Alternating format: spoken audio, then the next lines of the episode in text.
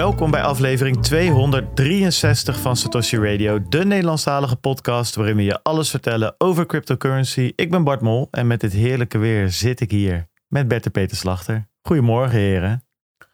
Good morning. Ja, daar zijn ze weer. Deze podcast wordt mede mogelijk gemaakt door Anycoin Direct, Bitfavo, Watson Law, Coinmerce, Blocks en BTC Direct. Ehm, alles wat wij vertellen is op persoonlijke titel eh, en moet niet worden gezien als beleggingsadvies. Virtuele munten, reëel risico. De enige garantie in crypto. Is het risico? Ja, ja ik, ik dacht ik laat hem even vallen, dan maakt Bert hem af. Ja, weet je? Dan is het gewoon ja, god, ik iets- zag hem- dat is toch mooi. Ik zag hem twijfelen is- voor die doellijn. Ik denk, ja, dan schiet ik hem zelf binnen, weet je, voordat er een verdediger Ja. tussen zit. Ja, Nee, hij is heel specifiek aan jou beloofd, deze zin. Nee, nee, Ga ik nee, toch ik, ik niet... vind het, het is toch lekkerder als het met z'n drieën doen, vind ja ik. precies. Zullen we hem een keer oefenen dan? Virtuele munten, reëel risico. De enige garantie in crypto. Is het risico? Kijk, dit is ja, toch... het is beter, je hebt Ja, gelijk. Is beter. Ja, ja, ik denk dat die mensen nu echt stoppen met, eh, met, met, met al die gekke meme coins traden. Die hebben zoiets, ja, nu, nu, nu, nu de, de, de Ja, Triforce. of niet. De Triforce je kan heeft van risico houden, hè? Wat zeg je, sorry? Ik zeg, je kan ook gewoon van risico houden. Ja, nee, zeker. Mag gewoon. Ja, dat je gewoon op, dat je zoiets hebt van ja, ik weet niet of ik crypto ga traden hoor. Ik weet niet of, die, of dat risico gegarandeerd is. Ja, nu weet je het. Het is gewoon gegarandeerd Kijk, er is, risico. er, is, er, is, er is nog een garantie. En dat is dat tegenover risico-rendement staat. Kijk, dat, dat zeggen ze er niet bij. ja, is dat En zo? wat- dat, snap, dat snap ik wel. Staat- ja, tuurlijk. Alleen, Je kan ook gewoon een gegarandeerd risico hebben en gewoon weten dat gaat gewoon naar nul, Ja. weet je wel. Als je gewoon head first van de cliff afspringt, dan heb je een hele hoop risico. Ja. Maar kans op rendement is best klein. Het gaat, het gaat hier over eh, cryptomarkten volgens mij. Niet over op de snelweg kan staan. Ja, nee, sure, dat, dat, dat, is- dat is waar. Maar ik ben het toch met Bert eens dat er toch wel een aantal munten zijn waar, waar ik die upside ook eh, moeilijk kan, eh, kan vinden. Maar goed, Ik zeg niet dat, dat die, dat die, ik bedoel, dat is het hele probleem natuurlijk. Dat rendement, dat is soms voor heel specifieke partijen. Ja. Ehm, ja, ja, ja. Nou ja, goed. Laten we, ja, ik, weet- ik weet het niet. Ik weet, ik weet het gewoon niet. Ik, ik weet niet wat ik weet. Nee? Nee. Ehm, Jij snapt wel dat ze dat er niet achteraan durfden te plakken. Wat? Ja, maar Peet, waar, jij- waar jij het over hebt, dat risico en rendement altijd met elkaar verbonden zijn, dat is alleen maar op een transparante en eerlijke markt. Daar is dat, daar klopt dat. Daar kun je uit, eh, uit risico ook rendement een soort van afleiden. Daar is verband tussen. In de Sharp Ratio kun je dat dan visualiseren of uitdrukken, hoe, hoe die dan met elkaar in verband staan bijvoorbeeld. Alleen op een oneerlijke markt, op een ondoorzichtige markt, waarin er informatieasymmetrie is, met andere woorden, sommige partijen weten meer dan anderen, dan, dan kan er risico zijn zonder rendement. En andersom, rendement zonder risico, namelijk voor de partij die meer weet dan de ander. En dat is precies de aanklacht op crypto. En ik denk voor een groot gedeelte terecht dat er gewoon mensen zijn die smerige spelletjes spelen. En die dus rendement hebben zonder risico, waarbij ze handelen tegen mensen die risico hebben zonder rendement. En dat is het verschil met transparante en eerlijke markten die we willen. En ik denk voor Bitcoin dat je inmiddels daar wel over kunt spreken in redelijke mate. Maar voor het gro- grootste gedeelte van de cryptomarkt niet. Ik vind het wel een hele lange slogan. Ja, maar ik ben het er Ja, dat wel. Maar je kan hem net als in Amerika heel versneld afspelen. Dat doen ze ja, soms. ja, ja. ja, dat is zo mooi inderdaad. Ja, dit is zo'n paragraaf op zo'n poster inderdaad. Font size Ja, dit was Twee. uitleg, hè? Ik heb echt inderdaad toen ik in Amerika was voor, voor het eerst en dat we een auto gehuurd hadden, dat je die radioreclame soort van koop nu een nieuwe truck. Medicijnen of medicijnen vooral, inderdaad. En dan, en dan zit er een disclaimer bij dat het een lening is met 100.000 eh, procent eh, cumulatieve rente of zo. En dat het... Maar ook gewoon 20 seconden lang, alsnog hè. En dan is het nog versneld afgespeeld. Ja, het is echt ongekend. Dat denk je echt... Ja, een soort van late stage eh, capitalism. eh, Ah, dat kunnen we natuurlijk ook doen in plaats van virtuele munten, real risico. Ja, precies. Dat we gewoon, gewoon de complete MICA-wetgeving voorlezen. Hé, dat wordt dan, dat is een soort van onze voor, is dat. nou goed, jongens, je ziet, die vul je nergens in. En meiden ook niet trouwens. Hou hem voor jezelf. Ehm, ja, wat kunnen we er nog meer over zeggen? Niet zoveel. Nou, we hadden gisteren weer eh, eh, een leuk eh, in de chat. Iemand die eh, eh, zijn, seed eh, in een nieuwe wallet wilde importeren en zijn bitcoin niet terugzag. Althans, zijn 0,00 whatever. Het ging gelukkig niet om zo'n groot bedrag. En dat kwam er dus door omdat die een, um, ja, hoe noem je dat, een, een passphrase had toegevoegd. Een 25ste woord aan de seat. En dat was die vergeten in te vullen. En ik moet zeggen, toen dacht ik weer bij mezelf, ik heb dit ook wel eens gehad.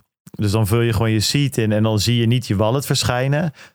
En ja, ook hier is de user interface van die wallets dat ik denk, ja, mag wel even wat aan verbeterd worden of zo, weet je wel. Zeker als je met zo'n passphrase werkt, dat, dat, dat, je moet het zelf maar herinneren. En, en het ding is natuurlijk, als je gewoon 24 woorden invult, krijg je gewoon een wallet te zien.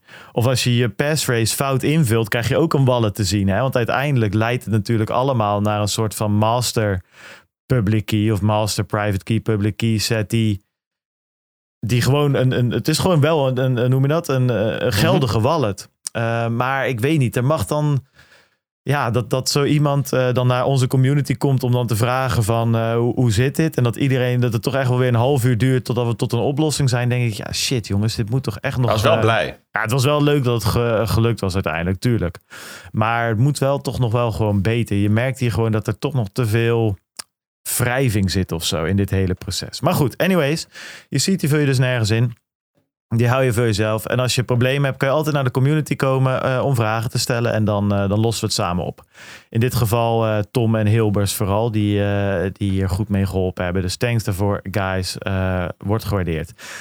Als je wil, laat er vijf sterren achter op Spotify. like de video op YouTube. We zijn bereikbaar via Telegram en Twitter. De links staan op www.satoshiradio.nl. En dan hebben we natuurlijk nog Bitcoin Alpha, het kennisplatform dat beschermt en versterkt. Uh, we hebben ook deze week weer een aantal alfa's mogen verwelkomen. Wil je het nou ook een maandje proberen? Dat kan. Voor één enkele euro. Je hoort het goed, dames en heren. Dat, wat koop je daarvoor? Nou, 10 avocado's op de markt kwam ik achter laatst. Dat is toch niet normaal? Sta je in de winkel een eetrijpe avocado bij de Albert Heijn voor 1,60? En op de markt krijg je... Maar waren, ze ook, waren ze ook te eten, Bart? Ja, ik weet niet. Waarschijnlijk, waarschijnlijk waren ze of zo zacht dat ze direct eh, door je handen heen glibberden... of zo hard dat je ze nog uh, door, een, door een betonnen muur kon gooien. Ik weet het niet. Heb je ze niet meegenomen? Ja, moet ik even doen. Het was in Schiedam, uh, in, in, de buurt van, uh, van mijn nieuwe huis. Ik was bij de vooroplevering van mijn huis en... Toen ging ik even kijken, maar ik heb echt een lijstje gemaakt. Joh. Maar dat is niet normaal. Een, doos met mango's. Een euro, weet je. Of echt gewoon ja, ik ga, ik ga wel even proberen om daar wat groente en fruit te kopen, ja, uh, binnenkort. Um, ja, het was niet normaal goedkoop. Maar ja, ja, ik, ja, ik vertrouw het. Dan... Als je op de zwarte markt of zo? Ja, nou ja, je zou het haast denken. Maar dat kan toch niet? Je kan ook allemaal autoradio's en zo, weet ik. Ja. Zat allemaal poeder in die mango's. Ja, precies. ja, inderdaad. Ja, allemaal pillen kwamen eruit vallen toen die avocado opensnee. Maar nee, ja. Um, maar ik vond het wel grappig. Ik ga het eens proberen. Ik hou jullie op de hoogte. Het is toch een beetje het inflatieavontuur waar we ze nu en dan uh, over vertellen. De ijsjes zijn weer goedkoper geworden overigens. Die waren op een gegeven moment 4 euro. Zijn inmiddels weer 3,75 voor twee, uh, twee bolletjes. We gaan de goede kant op. Nature is healing. Dus daar is het kwartje van kok gebleven. Ja, inderdaad. In het ijsje. Bij de ijssalon. Um, dus goed, maar goed, dus voor een euro uh, kan je Bitcoin Alpha proberen. En dan uh, word je eigenlijk ja, zo ongeveer wel drie keer per week op de hoogte gehouden van alles wat er speelt uh, op de Bitcoin en crypto-markt. Um, qua nieuws, qua markt, qua insights. En als er echt iets aan de hand is, sturen een alert. dat is de afgelopen tijd natuurlijk ook weer gebeurd met Binance en Coinbase. Dus schrijf je in bitcoinalpha.nl. Oké, ik wil deze week beginnen met een bedankje. Uh, aan niemand minder dan Jan Jurjen en Mitch. Want die hebben ons gisteren een heerlijk flesje wijn gegeven. Um, Met een speciaal uh, labeltje. Precies. Dat, uh, want dit zijn namelijk de mannen van Bitcoin, debuut.nl. En uh, je kent ze misschien wel. Uh, misschien heb je zelf ook wel een flesje met de Bitcoin bubbels, volgens mij, zal ik het maar even noemen. Maar dat was de, de 100k fles die iedereen op de plank heeft staan. Want die mag pas open bij 100k. Nou, ik weet niet hoe ik durf haast niet te kijken. Maar volgens mij stonden we vanochtend onder de, onder de ja hoor, nog steeds onder de 25.000 eh, dollar. Dus die fles gaat voorlopig niet open. Dus ze hebben een nieuwe fles waar geen prijs, open datum ja, hoe noem je dat, correlatie zit. Die mag gewoon open. Uh, ja, Bitcoin wijn, ja. Peter, jij hebt hem geproefd. Jij bent ook een toch inmiddels wel wijnkenner. Durf ik wel te zeggen. Nou, jij gaat naar wijnfestivals uh, bijvoorbeeld. Hè? Dus dat... Ja, dan, dan, vragen ze me voor, want willen ze graag mijn mening ja, over al die wijnen die daar jij er bent, dan is het uitgeschonken worden. ik ben wel, wel een soort volleerd ehm, ja, amateur sommelier, Ja, zou ik precies. kunnen Ja, zeggen. ja. Ja. En ehm, ja, dat komt het best tot z'n recht als ik dronken ben. Dat was ik gisteren dus niet. Nee. Dus ehm, ja, dan zijn je, je, dan is je, je smaakpapillen en zo zijn nog niet echt opgewarmd. Nee, precies, dus die ik, ik heb koud, nog koud koud. gedronken. Ja, het was een beetje als een koude motor. Dus ja, echt een goed oordeel kon ik niet geven. Dus dat ga ik pas doen als ik die fles heb Ja, opgedronken. precies. Ja, drink dan eerst even een andere fles leeg. En dan, dan, dan, dan ben je echt compleet opgewarmd. En is die motor gesmeerd, weet je wel. Ja, maar dat vind ik zo ook altijd wel het Ja, lekkerst. precies. Dan worden ze steeds lekkerder. Ja. en dan hoop ik voor de mannen van bitcoindebuut.nl dat, je, ja, dat het de tweede fles Ja, is. bitcoinbottles.nl. Ja, heb ik niet nog bijgeschreven. Zijn, Ja, daar kan je ze- het zijn twee verschillende bedrijven. Ja, namelijk. De ene is een, een soort webshop voor allerlei bitcoin eh, spullen. En bitcoinbottles.nl, dat is echt de, ja, dan kan je de de kopen. Precies. Ja. Ik zie ook nog bitcoin bier, bitcoin chocoladeletters. Ja, je kan het zo gek niet bedenken of het wordt verkocht. Ehm nee, goed, nou ja, het zijn wel allemaal... eh, De, bedoel, als, je, als je iets doet met bitcoin, doe dan dat in deze tijd, weet je. Het is gewoon lekker. Nou, ik zei gisteren al tegen jou. Het is natuurlijk best wel slim. eh, die, die, die flessen ook. Ik heb inmiddels twee of drie van die flessen staan. En jullie per persoon ook. Omdat je ze op een gegeven moment... eh, we kregen er eentje van die gasten ooit een keer. En, en ik heb ze als op een gegeven moment als kerstcadeau... en als nieuwjaarscadeau en als relatiecadeau en whatever. Ik kreeg al die flessen de hele tijd binnen. Ik heb hier voor mij ook nog eentje op de plank staan. Ja.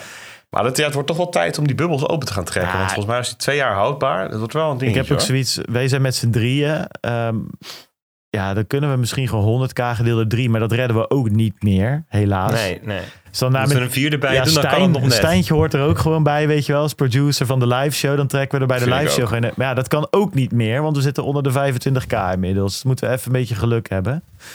Ehm, ja, goed, moeten we even kijken. hey, maar ehm, eh, dit is natuurlijk niet voor niks, hè? Want eh, we spraken die jongens eh gisteren.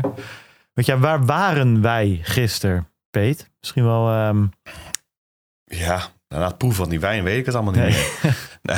graaf diep, Nee, maar- graaf diep, oh, dat moet toch naar boven komen weer, zou je zeggen. Nee, het waren de, de Dutch Blockchain Days. Ja, dat, dat meervoud, dat, ja, het was één dag. Wel toch meerdere dagen, Wisten, dacht ik. nou, ik, ze hebben volgens mij wel een... ehm, of van origine dat ze een, een, het over een periode van een week uitsmeerden met allerlei activiteiten. Nou, hoe dat precies nu zit en in elkaar valt, weet ik eigenlijk niet. Ehm, maar dit was in ieder geval een Dutch Blockchain Day. En dat is georganiseerd vanuit BCNL. Ja, heel goed. Ehm, en ehm, ja, die hadden een, een leuk sprekersprogramma en een, best toch wel wat eh, partijen uit de Nederlandse sector en ook wel wat internationale partijen, denk ik, bij elkaar gezet in, een, eh, in de Meervaart in Amsterdam. Dat is een, eh, een beetje conferentiecentrum. Ik denk wel dat dat dat is. Ehm, en het was hartstikke gezellig eigenlijk. Ja. Dus ik, ik heb vooral ben ik bezig geweest met wat mensen een handje geven, even bijpraten. Het is wel handig dat iedereen zo op één plek bij elkaar komt. En eh, er zitten ook allerlei mensen tussen die al heel lang niet gezien hebt. Sommigen zie je vaker. Nou, het is eh, hartstikke leuk was dat. Ja, nee, dat vond ik ook. Ik vond. Ik zat een beetje over na te denken. En. Kijk, het is toch een beetje. Kijk, als je het over. ehm, eh, zo, als je naar, naar, naar de aankondiging kijkt van de Dutch Blockchain Days, wat mij dan opviel, is eh, dat het woord Bitcoin schittert van door afwezigheid. Door afwezigheid zeg je toch? Van afwezigheid. Door afwezigheid. Door. Schittert. Bitcoin schittert. Door afwezigheid. nee, niet. Ja, Ja. Door, ja precies. en en hè, het gaat over Web3 en blockchain en, en weet je, alles, eh, alles behalve Bitcoin. En ehm, nou goed, dat snap ik zelf niet helemaal, omdat veel van de bedrijven die er staan, weet je, het zijn ook brokers, exchanges, weet je, de, ik, zie niet echt het, eh, de, de, de marketingwaarde om Bitcoin niet te noemen. Aan de andere kant, weet je wel, zie ik ook wel dat eh, heel veel Bitcoiners hier naar kijken. Of eh, als ik wat reacties her en der zie op de aankondiging van: oh, eh, shitcoin event, weet je wel, mij niet gezien. En ik ben toch steeds meer dat ik denk van ja, ik had het van de week daar ook eh, eh, over. Eh, voor mij, ik was bij Boris, bij V voor Valentine in, in de podcast. Hij had gevraagd om over Bitcoin te praten. En nou, voor Boris maak ik altijd graag een wat tijd vrij. Vind ik altijd leuk om, om hem weer eens te spreken. Ehm, en, en daar ging het ook van. Ja, hoe staat het ervoor met, met de Bitcoin community in Nederland? En wat ik wel een beetje zie, ik zie wel heel veel toffe dingen. Alleen, ik denk als je het zo puur allemaal probeert te houden. Dat je jezelf gewoon. ehm, ja, je, ik, vind, ja, ik ben steeds meer van mening dat ik dat eigenlijk gewoon onzin vind. En om de hele simpele reden dat je dus jezelf de kans ontneemt om toffe Bitcoin-initiatieven daadwerkelijk water te geven en te laten groeien. Weet je, het is een beetje alsof je zoiets hebt van ja, ik ga een plantje eh, of ik ga een plant planten, maar ja, kunstmest doe ik niet, sowieso mest doe ik niet, water heb ik ook een hekel aan, weet je, en dan wel verwachten dat je plant groeit. En eh, dit is een beetje een cryptisch verhaal, maar wat ik ermee bedoel is, als je op zo'n event rondloopt, dan kom je erachter van, er zijn heel veel mensen die eigenlijk heel geïnteresseerd zijn in jouw Bitcoin verhaal. Weet je wel? En die best wel willen weten van hoe zit dat nou met Bitcoin mining. En ik heb gelezen dat je met Bitcoin mining kassen kan verwarmen. Hoe werkt dat nou precies? Of eh, met Lightning, hè, een tweede laag op Bitcoin. Er zijn natuurlijk hartstikke veel mensen die wel bekend zijn met tweede lagen op Ethereum. En zoiets hebben van, joh, hoe zit dat nou bij Bitcoin? Ik las dat Jack Dorsey die wat, daar wat mee aan het doen was. Of ik heb wat over Noster gezien. Kan je me dus wat over vertellen? En dan merk je dat je eigenlijk binnen no time van 9 tot 5 gewoon een hele dag vult met superleuke gesprekken. Dat was in ieder geval mijn uh, afdronk na die dag. Precies wat Peet zegt, dat je weer mensen even spreekt die een tijdje niet gezien hebt. Um, ja, en soms zit daar een verhaal met iemand tussen waarvan je denkt, nou, ja, dit zie ik niet echt gebeuren, weet je wel. Ik bedoel, ze nu en dan komt, komt uh, de, de banaan op de blockchain weer een keer voorbij. Nou ja, goed, weet je, dat luister je dan naar en dan schud je elkaar de hand en dan ga je weer verder. Uh, ik, ik heb zoiets van. Ik heb een beetje het idee namelijk nu dat er best wel veel leuke Bitcoin-initiatieven in Nederland gewoon in het proof of concept fasetje blijven hangen, omdat je jezelf gewoon de kans ontneemt om het te laten groeien. Um, ja, en ik denk dat we daar uiteindelijk qua adoptie niet verder mee komen. Terwijl op zo'n dag als dit lopen er allemaal bedrijven rond die, uh, als je puur en alleen naar de brokers, exchanges in Nederland kijkt, gewoon een, een reach hebben, een bereik hebben van 100.000 plus klanten, sommigen zelfs een miljoen. Dan denk ik, ja, dan ben je toch gek als je daar de kans laat liggen om daarmee te praten. En, en uh, um, uh, ja, ik zeg niet die een bepaal, dat je ze een bepaalde kant in kan sturen. Maar je kan ze in ieder geval je verhaal vertellen. In het slechtste geval heb je een leuk gesprek. En in het beste geval zien ze er wat in. En, en, en ligt er een kans om die mensen te bereiken. Weet je wel, ik, ja, dat begint bij mij steeds meer te dagen dat ik denk van ja, jongens, als we daadwerkelijk adoptie willen en de massa willen bereiken, ja, dan zal je toch op een gegeven moment gewoon in gesprek met elkaar moeten. En uh, nou, daar is zo'n dag als gisteren heel erg goed voor geschikt eigenlijk. Dus dat viel me alleszins mee. Leuk, ook een paar luisteraars gesproken weer, uh, die er dan uh, rondlopen. En um, ja, ik heb een hele leuke dag gehad eigenlijk. Dus um, ja, sluit ik, sluit ik me bij aan. Voor de rest nog dingen deze week gedaan, jongens, die het vermelden even waard zijn. Waar nog wat, ik zit zelf even te denken. Nou, we zijn bij de CryptoCast geweest. Ja. Dat, dat, daar best wel, ging best wel tijd in zitten, gewoon qua voorbereiding. Mm -hmm. We hebben leuke gesprekken met, uh, met bedrijven uh, waar we wellicht iets mee kunnen doen met Bitcoin Alpha samenwerkingen en zo. Ja. Dat is ook heel erg leuk. Um, ja. Nee. Nou, die cryptocast uh, moet het zo nog maar even over hebben. Want ik ben wel heel benieuwd hoe dat was. En, en of we daar een soort van mini samenvatting of de meest interessante take even uit kunnen trekken. Of wat jullie daar. Want ja, wat ik zelf altijd merk, als je zelf ergens goed op voorbereidt en daarna een goed gesprek hebt, dan kom je toch altijd weer tot iets waarvan je denkt van hmm, interessant. Dat, daar kan ik wat mee. Een bepaalde take of, of hoe noem je dat? Wat is een te teken in het Nederlands? Niet dat beest, maar een soort van... ja. Dus het is een uh, pleidooi. Een, uh, ja, nou, een invalshoek. Uit. Invalshoek, ja, ja, ja. Inval, ja het is, blijft toch lastig. Ik, Perspectief. Ik zat, laat, ik zat net dus ook Mening. weer dat een stukje uit te schrijven voor de show notes over, over Tether. En die verloor zijn pack. Toen dacht ik, ja, depagging, wat is dat nou weer voor Nederlands woord, weet je wel? Hoe kan ik dat op een mooie manier ja. vertalen? Ontpinnen. Ja, ja. Ontkoppelen of zo zijn. Ja, precies. Ja, ja het verliest de koppeling. Ja, ja kijk, maar in het Engels heb je ook um, uh, bijvoorbeeld een hot take. Ja, dus dus, ja. dus in, bijvoorbeeld in Bankless dan uh, hebben ze het vaak over... What's your hot take, Ryan? Uh, en dan is dus het idee, een hot take... dat is een visie, een perspectief, een mening... een invalshoek die veel anderen niet hebben... of die spraakmakend is. Ja, dat kan in het Engels gewoon in twee woorden. Hot take. Soms zijn het moeilijk vertaalbare dingen. Ja, Ja, ik heb het even aan Google gevraagd. Het is eigenlijk heel simpel. Het is gewoon heet nemen. ja. precies. Misschien dat GPT er wel wat mee kan. wat heb jij heet genomen deze week? Ja. Nou goed, laten we snel doorgaan voordat we hierin eh, vervallen. Eh, we hebben een aantal donaties gehad van Rudiano en Gauthier. Eh 20k sats. P.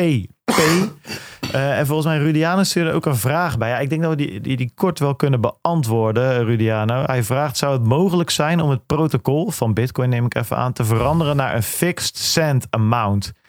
Bijvoorbeeld in een transactie mogen maximaal 50 bitcoin verzonden worden. Slecht voor Wales, goed voor de markt, is mijn veronderstelling. Eh, misschien leuk om dit te overdenken met jullie great minds. Eh, succes. Ja, eh, het kan. Ja, lijkt mij wel, weet je wel. Ik bedoel, ja, eh, eh, maar misschien moeten jullie als, als, als developers mij verbeteren. Maar ik bedoel, dit, dit is- Bitcoin is software. Ik bedoel, dit zou je er best wel in kunnen timmeren, lijkt mij. Net zoals dat, dat wat is het, de, Tuurlijk, de bloksubsidie op 6.25 staat op dit moment. Ja, god, weet je, dat, dat staat er ook ergens in het protocol gegraveerd. Dus dat zou wel kunnen. Waarom je dit zou willen, Rudiano?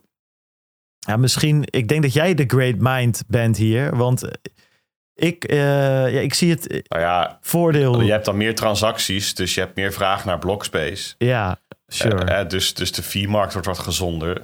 D- Dat zou een, een denkrichting kunnen zijn. Ja, maar dan zit je wel. Maar- De, hoeveel van de transacties zou je dan moeten kijken? Zit nu boven de 50 bitcoin? Ik weet niet. Het zullen, ik bedoel, exchanges en zo, dat soort dingen zitten daar natuurlijk allemaal boven. Aan de andere kant zou je ook wel kunnen. eh, maar dat zou ik na moeten checken hoor. Misschien is het niet zo. Maar ik denk dat het gros er, eronder zit. Ehm, Maar als je zorg is dat, er- dat er een, ehm, dus dat, dat de fee-markt ongezond is of blijft, denk ik niet dat dit per se de oplossing Nee. is. Ja, dus ja, ik, ik zie. ik- Nee. Ja, het is een beetje een oplossing. Het gaat, niet zo lekker naar, het gaat niet zo lekker naar mensen die eh 5 miljard willen versturen of zo. Nee, die jaag je wel een beetje weg, denk ik. De celers van deze wereld. Over V-markt gesproken, wel grappig trouwens, dat ehm, de mempool eh, ja, nog steeds, ja, wel, het gaat wel weer wat omlaag, maar we zitten nog steeds wel, ja, ik zie hier, nee, we zitten weer voor het eerst sinds tijden onder de eh, 10 sat per zo nu en dan. Maar op zich grappig dat we, eh, hij is nog steeds niet gekleerd. Eh, en dat is echt alweer, ja, wanneer was dat voor het laatst? Denk alweer een maandje of anderhalf, twee terug. Dus dat houden we ook een beetje in de gaten. Ja, anyway, Rudiano, ja, het kan.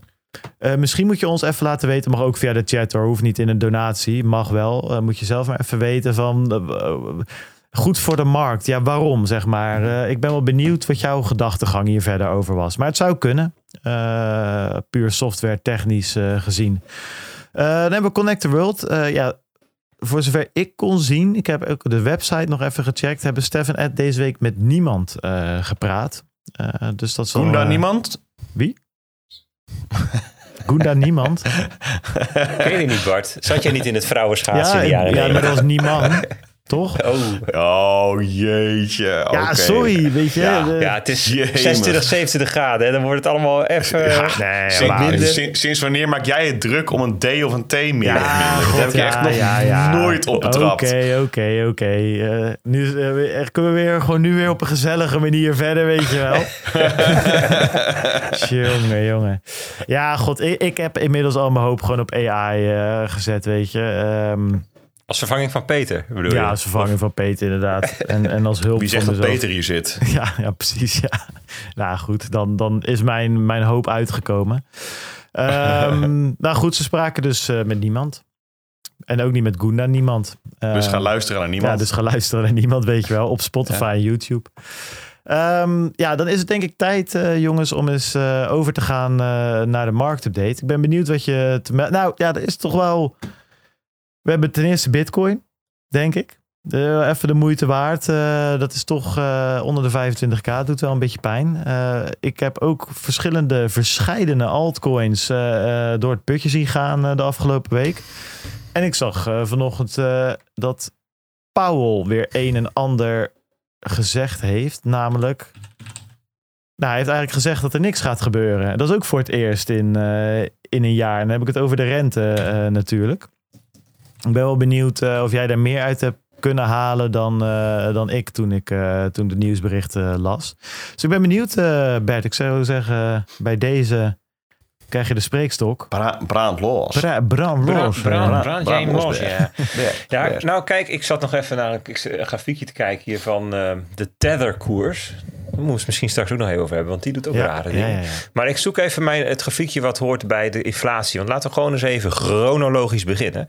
Dat betekent op volgorde van de tijd. En het was namelijk maandag deze week begonnen met de inflatiecijfers in Amerika. Um, ja, dat hadden we. Ik weet niet of we het vorige week in Satoshi Radio hadden besproken, maar in ieder geval in de Alpha. Ja, we hadden verwacht dat die natuurlijk stevig gingen dalen. Dat heeft te maken um, ook met uh, basiseffecten. Dat is het, ehm, de, term die verwijst naar dat je een bepaalde periode terugkijkt, twaalf maanden in het geval, jaar op jaar, en dat op een gegeven moment iets uit dat venster schuift. Nou, vorig jaar uh, hadden we een hele hoge, grote inflatiestap, hè, dus een grote prijsverhoging um, in de maand mei. En dat wordt dan in juni bekendgemaakt van uh, 1, 1% geloof ik. 0,9. En die schoof er nu uit. Nou, en er kwam voor in de plaats de inflatie maand op maand van de, deze maand mei, afgelopen mei, dat was 0,1. Het verschil tussen is 0,8. Nou, dat is ook ongeveer wat de inflatie daalde. Van 4,9 naar 4,0 hebben ze netjes net boven de 4 uh, uh, in de 4 gehouden. Want als het 3,9 was, dan voelt dat toch echt al een stuk lager dan 4. En dit, nou ja, dit is dan toch. Uh, dat is prettig hè, voor, voor ehm, uh, Jerome Powell, daar gaan we straks ook even over hebben. Want ja, hoe meer nog dat die inflatie voelt, hoe meer de markt zich ook realiseert, ja, we moeten er echt wat tegen doen. En dat, dat men zich niet gek laat maken door, nou, de, de problemen zijn achter de rug. Hè? Volgende maand, ja, dan, dan valt um, de hoogste maand op maand inflatie eraf die we gezien hebben. Namelijk in juni vorig jaar, dus bekendgemaakt in juli, kwam er 1,2 punten bij de inflatie. Ja. En dus stel dat we volgende maand weer 0,1 hebben, dan gaat dus 1,1 af en dan gaan we in één keer van 4 naar 2,9% inflatie. Zet maar vast die agenda. Dinsdag 13 juli of zo, weet ik veel, ergens in die, die richting zal het zijn. Ik zal even opzoeken. Het zal zijn dinsdag 11 juli. Dan krijgen we de inflatiecijfers over juni. Ja, dat wordt in principe een grote daling. En het zou, dus het zou dan want er zit in die maand op maand inflatie altijd allerlei soorten fluctuatie. Ja, als stel is dat er een enorme meevaller is. De olieprijs heel erg gedaald in juni. En goedkope brandstof verzint allemaal maar. Ehm, dan zou het kunnen zijn dat je in één keer van 4 naar 2, zoveel gaat. Dat zou een grote stap zijn. Um, maar dit is de, zoals we dat dan noemen, de headline inflation. Het, het, het cijfer van alles bij elkaar opgeteld. En daar zitten allerlei soorten dingen in, namelijk hele volatiele componenten die, die heel snel um, kunnen uh, fluctueren. Zoals brandstof. En voedsel is ook over het algemeen vrij snel. Hè? Dus als het kort ontstaat uh, op de graanmarkt of zo, of weet je, er is een slechte maisoogst, dan zie je dat vrij snel doorvertaald in, um, nou sowieso bij verse producten, maar ook best wel veel verwerkt voedsel. Ja, dat heeft dat ligt niet drie jaar in de opslag. Hè? Dus het gaat in, in periode van weken gaat dat van productie naar de winkel. Weet je wel? Fast moving consumer goods. Dus daar ga je het dan snel in zien. Um, maar er is ook een gedeelte van de inflatie, hè, dus van prijspeil, wat heel langzaam beweegt. En er zitten bijvoorbeeld dingen in als um, uh, wonen, wonen hè, dus de huur of uh, de uit ik, ik, verstond bonen. Ik denk hij heeft net zitten vertellen dat die voedselprijzen zo... Uh, nee, wonen in een huis. Ja, ik, ja de huur hè. De hoer. De hoer is door. Ja, dus, eh, dus, dus alles wat op een of andere manier representeert wat je, wat je aan woonkosten hebt. Ja, dat, dat blijft soms nog stijgen. Terwijl alles al naar beneden aan het komen is. En dat weet je gewoon. Dat heeft dan te maken met contracten enzovoort. Um, en en die, die kerninflatie, hè, dat is vaak is een van de manieren om... Um, die, die, die minder snel bewegende gedeelte, dat minder snel bewegende gedeelte te, te vangen, die is nu hoger dan de CPI-inflatie. Dus de kerninflatie is 5,3 geloof ik. Um, ja, en de, de inflatie 4. En dus dat is interessant, dat is nu omgedraaid. En dat betekent dus dat een gedeelte van de componenten, namelijk die vluchtige, dat die zelfs negatief zijn. Namelijk 5,3 en dan plus min 1,3 maakt 4 dus die, die, die, die trek je er eigenlijk af. Dus, dus sommige dingen zijn nu goedkoper dan een jaar geleden. Nee, is interessant. Bijvoorbeeld het ijsje waar Bart net over had. Die is goedkoper dan een jaar geleden. Ja, en dan zijn er nog andere dingen die zijn nog steeds duurder aan te worden. Nou, dat is even de situatie waar we in zitten. Kijk, als je dan gaat kijken naar ehm, ehm, indicatoren die iets zeggen over toekomstige inflatie. Bijvoorbeeld de PPI, dat zijn de producentenprijsinflatie of de prices paid. Dat gaat ook volgens mij over de industrie die inkoopt of zo. Weet je, dat zijn, dat zijn dan vaak uh, uh, grafiekjes die dan gelegd worden op de inflatie, maar dan x maanden naar voren. En dan zie je heel, heel mooi dat hij een soort van voorspelling geeft. Er zijn ook wat um, instituten, ook bij de Federal Reserve zelf, die nowcasts maken. Dus die kijken, die kijken naar wat is de inflatie nu echt, want wat je meet loopt altijd achter. Ja, dat wijst eigenlijk allemaal naar inflatie van onder de 2% later dit jaar. Dus dat is interessant om even in het achterhoofd te houden. Als we zo meteen gaan kijken naar Jerome Powell.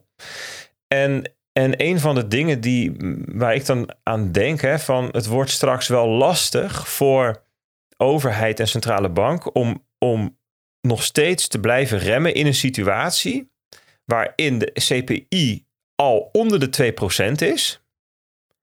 En misschien de kerninflatie nog lang niet. Dus misschien zien ze wel oprecht allerlei onderliggende problemen. Zeggen ze ja, ja, die inflatie is al is nu, laten we zeggen, 1,4 procent. Maar we zien nog steeds een risico op een lo loonprijsspiraal. De lonen stijgen nog. En, dus, dus eigenlijk willen we nog even wat verder hè, die, die, die, die rem ingedrukt houden. Maar ja, iedereen ziet een inflatie onder de 2%. En als je dan ook nog ziet dat er in de economie dingen langzaam pijn gaan doen. Dus iets meer werkloosheid, iets meer faillissementen, iets lagere economische groei, uh, iets minder consumentenbestedingen. Moeilijk voor consumenten om, uh, om te lenen, om een huis te kopen, om een auto te kopen, noem het allemaal maar op. En dan krijg je natuurlijk toch wel mensen die zeggen: ja, waar, waar wachten we nog op? Ga nou eens eventjes die economie stimuleren. De inflatie is nu onder de 2%. En dat wordt misschien wel een heel lastig punt voor um, ja, de combinatie van politiek en, en centrale bank. Hè, want die zijn natuurlijk officieel onafhankelijk. Uh, maar de politiek die kan daar natuurlijk wel druk op uitoefenen. Dat is wel vaker gebeurd. Dan roepen ze dingen en dan, nou ja, dan moet je daar centrale bank hier maar tegen ingaan. Hè. Um, en dat zou wel eens het punt kunnen zijn dat ze toch overstag gaan hè, uh, en dan ja, toch gaan stimuleren. Uh, dus de rente wat verlagen, misschien wat um, fiscal stimulus, hè, dus wat, wat, wat, wat, wat in de, uitgaven van de overheid. het schuldenplafond is nu aan de kant, dus dat kan gewoon. Nou, dat kan niet gewoon, hè? want ze hadden gezegd: we gaan geen bijzondere uitgaven doen. Nou ja, hoe ze dat dan precies doen, dat vinden ze vast wel weer een truc voor. Maar dat zou wel eens later dit jaar een interessante situatie kunnen zijn die ontstaat. Maar goed, dat even alvast in het achterhoofd hebbend. Jerome Powell die klom op het podium gisteren. De baas van de Amerikaanse centrale banken. En die, um, die begon zijn speech zoals hij dat altijd doet. Good afternoon. En um, hij begon maar eens met weer eens uitleggen dat wij heel erg als centrale bankiers het belangrijk vinden om bij onze mandaat te blijven. Namelijk maximale werkgelegenheid en stabiele prijzen for the American people. De Amerikaanse vlag staat er ook achter. Hè, dus het is heel ja, erg. Niet eentje, ik ben vijf, de good guy. Vijf meestal ik, of zo. Ik ben juist op mute, Bart, denk ik. Maar ik nu ben. niet meer, um, toch wel? Nee, nu niet nee, meer. Ja, ik, je zei een Amerikaanse vlag, meestal een stuk of vijf of zo. Zelfs, Ja, weet je, ja, zo ja, heel precies. mooi gevouwen. En, ja, ja, ja. Ja, en, en, en de Fed heeft zelf natuurlijk ook nog zo'n vlag. En weet ik wat allemaal. adelaar Zijn mensen zo. eh, precies. Precies. Een paar foto's van, eh, van bommenwerpers. Maar nee, maar, maar echt met het idee van, weet je, wij zijn de good guys. Wij zijn er voor, de Amerikaanse, voor het Amerikaanse volk. En dan, ja, weet je, we begrijpen de ellende die die hoge inflatie uh, veroorzaakt. En we, we, we remain strongly committed to bringing inflation back naar het doel van 2%. Dat is belangrijk. Hè? De price stability. Ja, dat zegt hij ook. De, prijsstabiliteit is, is de verantwoordelijkheid van de Federal Reserve. is onze verantwoordelijkheid. Wij voelen ons verantwoordelijk voor die prijsstabiliteit. Komen we zo meteen even op terug. Want niet alles zien ze als hun verantwoordelijkheid. Goed, een doel van 2% dus. En daarom, zegt hij, hebben wij onze rente 5% punten verhoogd in de afgelopen 12 maanden of zo. Van um, een bandbreedte van 0 tot 0,25 naar de bandbreedte van 5 tot 5,25. Ja, dat is veel. Veel en in een hoog tempo. Maar hij zegt erbij, ja, weet je, the full effects have yet to be felt. Hè? Dus, dus de, de, de, de, de uiteindelijke volledige uitwerking van, van die renteverhogingen en overigens ook het eh, verkopen van uh, securities die ze hebben, dat, dat duurt een tijd voordat dat helemaal in zijn, in zijn volledigheid voelbaar is. En daar hebben we het al vaker over gehad. Ze hebben het dan over long and variable lags. dus lange en variabele vertragingen. En hij noemde het van gisteren ook um, onzekere vertragingen. Dus we weten niet precies hoe lang die vertragingen zijn. En ik zeg vertragingen omdat die verkrapping via allerlei verschillende routes uitwerking heeft op de economie. soms best wel direct, omdat uh, het, het, het, duurder wordt om te lenen. Hè, en, um, je, en mensen bijvoorbeeld misschien en bedrijven bijvoorbeeld stoppen met investeren of iets dergelijks. En huizen moeilijker betaalbaar worden. Maar ook met vertraging, omdat het dan gaat via werkloosheid. Of um, omdat je minder spaargeld krijgt. Of wat dan ook. Er zijn allerlei routes via, waar via dat dan loopt. En uiteindelijk op de reële economie invloed heeft. En daar zitten dan dingen als uiteindelijk ook helemaal aan het eind inflatie. Dat is echt het allerlaatste station in het treintje van dingen waar die verkrapping doorheen gaat. Um, en daarom hebben ze besloten om gisteren de rente niet te verhogen. Dus die blijft wat die was, 5%. Dat was verwacht. Dat was geen nieuws, was geen verrassing. Het was verrassing geweest als die wel nu was verhoogd. Maar um, hij, heeft hij zegt er ook bij um, dat we waarschijnlijk later dit jaar nog wel verder gaan, gaan verhogen. Ik probeer eventjes de volgorde van zijn speech aan te houden. Even kijken wat hij daar ook weer zei. Um, ja, dat, laat die zo even oppakken. Dus we gaan nu niet verhogen. En daarna gaat hij kijken naar de economie. En dat doen ze dus niet altijd. Dat doen ze eens in de, volgens mij één op de twee. Hè. Om en om doen ze dat wel en niet.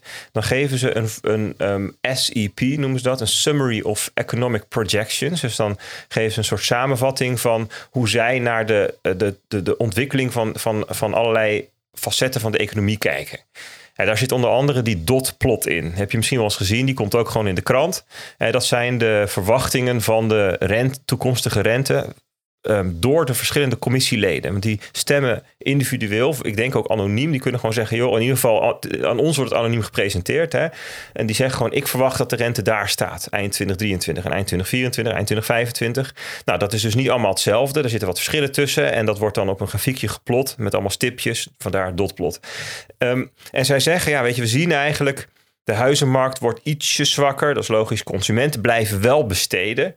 Bedrijven investeren ietsjes minder. Maar in het algemeen is de economie nog behoorlijk sterk. Met andere woorden, we kunnen lange tijd van uh, uh, de hard remmen kunnen we aan. Oké, dat is hun visie.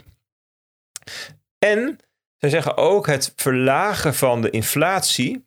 Dat, dat betekent dat we een periode zullen hebben, moeten hebben van economische groei die lager is dan de trend. Below trend growth. En ook wat, wat, wat softe, wat zachtere, wat zwakkere arbeidsmarktomstandigheden. Met andere woorden, hogere werkloosheid. Ontslagen. Gewoon in recht voor zijn raap termen. Um, ja, ze zeggen de arbeidsmarkt is nog steeds krap, dus dat kan ook allemaal. Ze schetsen best wel een positief beeld van de situatie. Ehm, en daar kun je best wat tegen inbrengen. Je kunt best van een aantal van hun observaties zeggen van nou, dat is wel, je hebt wel voor de rooskleurige uitleg gekozen. Ik denk dat het wel belangrijk is om dat, te, dat even in het achterhoofd te houden. Hè? Ehm, ehm, ja, ze gaan wel zeg maar uit van dat het allemaal de goede kant op valt. Want je kunt over die werkloosheid bijvoorbeeld ook wel, of over de arbeidsmarkt kun je ook wel zeggen van nou, we zien onder de, de, de cijfers als je dan gaat kijken hoe die zijn opgebouwd, zie je best wel wat verzwakking al her en der. Er zitten ook best wat aannames in die modellen die misschien wel eens ja, uh, inmiddels niet meer zouden kunnen kloppen. Weet je, dat zit, doen ze dat niet om dezelfde reden dat ze vaker zich alleen maar vasthouden aan een bepaald positief of utopisch scenario waarmee hun eigen handel wordt bevestigd? Ja, de, de, de bedoeling is wel dat de SEP een soort van uh, uh, objectieve, neutrale data is, waar ze dan vervolgens zelf wel iets over mogen vinden en, en eh, keuzes over mogen maken. Um, maar nou ja, ja, ja. Ja, kijk, het mag. Ik bedoel, ze, mogen, ze hebben gewoon een visie. En, en ze hebben modellen en ze hebben interpretaties. Dat is gewoon hoe het, hoe het werkt. Um, en het is dan aan de markt om dan zelf met dezelfde data te kijken van kom ik tot dezelfde conclusie of niet. en de, als dat anders is, en dan zou je kunnen zeggen, dan kun je daarop handelen. Uh, en dat doet de markt ook. De markt die daagt geregeld de beleidsmakers uit door te zeggen, oh, rent omhoog. Nou, wij denken van niet. En dan, uh, ja, dan... Nee, sure. Maar, maar, zij, zij zullen misschien de, de, de wat meer um, uh, zwartgallige scenario's gewoon ook niet noemen. Omdat als nee. ze het noemen, hè, dat bedoelde ik. Hè, dat is, nee, ze krijgen soms de vraag hè, van joh, een puntje, puntje, puntje, zwartgallig scenario. En dan geven ze als antwoord, uh, ja natuurlijk kan dat, maar dat zien wij niet als basisscenario. Precies. Dat ja. zit in de staartrisico's, weet je wel, dat soort dingen. Kijk, hoe de data ook is, zeg maar, um, hun uitleg komt altijd overeen met hun handelen. Want ja, als, als, als die uitleg dat niet, daar, daar niet mee overeenkomt, dan, ja, dan schrikt de markt zich natuurlijk de pleuris. Dat is een beetje ja. het, ja, ja, en de, de, en de, vraag, is, de vraag is of dat natuurlijk eerlijk is. Maar goed, dat is, dat is hoe ze doen. Um, in diezelfde SEP staat ook iets over de, uh, uh, over de renteverwachtingen, die dotplot. En daarin zie je dat de, de stipjes van dit jaar, dus het gaat over het einde 2023, die zijn omhoog gegaan ten opzichte van vorige SEP. Naar um, 5,5 tot 5,75. En dat is dus twee rentestapjes van een kwartje erbij. Dus, dus de, de, zeg maar de wisdom of the crowd van de Fed-commissarissen die zegt... we gaan nog twee renteverhogingen hebben later dit jaar. Dat maakt dus de huidige, het huidige niet verhogen tot een uh, tijdelijke situatie. Als in het is niet, we zijn nu niet klaar met verhogen, maar we slaan er eentje over. En misschien volgende keer nog eentje, maar ergens dit jaar komen er nog twee. Dat is wat ze daarover zeggen. En dat was voor de markt Um, dat noemen we dan hawkish, hè? dus agressief. Een agressieve houding ten opzichte van de inflatie. Um, uh, in de uitleg. Dus niet de verhoging zelf is conform verwachting, maar de uitleg en de toekomstverwachting. Ja, daarin zijn ze uh, krapper, uh, agressiever dan verwacht. Dan tot nu toe. Dus dat is voor de markt um, ja, een signaal, een tik op de neus zou je kunnen zeggen. Hè? Dus, dus goud en zilver gingen naar beneden, bitcoin ook, zullen we straks even over hebben. En want waar je nu komt, je komt in een situatie dat de rente voor lange tijd een stuk hoger is dan de inflatie. Dus je hebt een sterk positieve reële rente. Hè? Dus dat betekent dat als je spaart tegen 5,5 procent, dat je er in koopkracht op vooruit gaat. En dat is wat een positieve reële rente betekent. Dus stel dat de, dat de inflatie 5% is en je krijgt 5% rente, en dan is de reële rente nul. Want je gaat er uiteindelijk in koopkracht niet op vooruit. He, uitgedrukt in biertjes of spersiebonen of mango's of avocado's of ijsjes, kun je eh, met de rente evenveel kopen als een jaar geleden. En dus je, die rente die compenseert alleen maar de inflatie. Maar als de rente hoger is dan inflatie, een positieve reële rente, dan ga je er ook daadwerkelijk op vooruit. Dan komen we nu in zo'n soort situatie doet goud bijvoorbeeld het vaak wat minder, want ja, goud krijgt geen rente op. Dus dat is, uh, dat, daar zie je een, een, omgekeerde correlatie. Dus dat is niet zo gek. Um, nou, toen kreeg uh, Powell nog een paar vragen. Namelijk de vraag: um, waarom, als je toch verwacht dat je naar 5,5 moet van 5,0, waarom doe je dat niet meteen nu even dan? Nee, heb je het gehad. Ik kreeg een uitleg van Powell en op zichzelf. Uh, het antwoord was te verwachten, maar ik vond de uitleg wel mooi. Er was een herhaling over een soort van wat we al vaker hebben besproken, maar hij zet het mooi op een rijtje. Hij zegt, ja, er zijn eigenlijk drie dingen belangrijk. Speed, level en duration. Dus hoe lang, hoe hoog, uh, hoe snel, hoe hoog en hoe lang. Dus hoe snel gaan we naar grofweg waar we heen willen? Op welk niveau stoppen we dan? En hoe lang blijven we daar? Dat zijn eigenlijk de drie variabelen die met elkaar bepalen hoe goed je inflatie onder controle krijgt. Hij zegt van ja, die snelheid, die, dat was in het begin, vorig jaar zomer, vorig jaar zomer was dat van belang. Toen gingen we achter elkaar enorme stappen maken, 75 basispunten.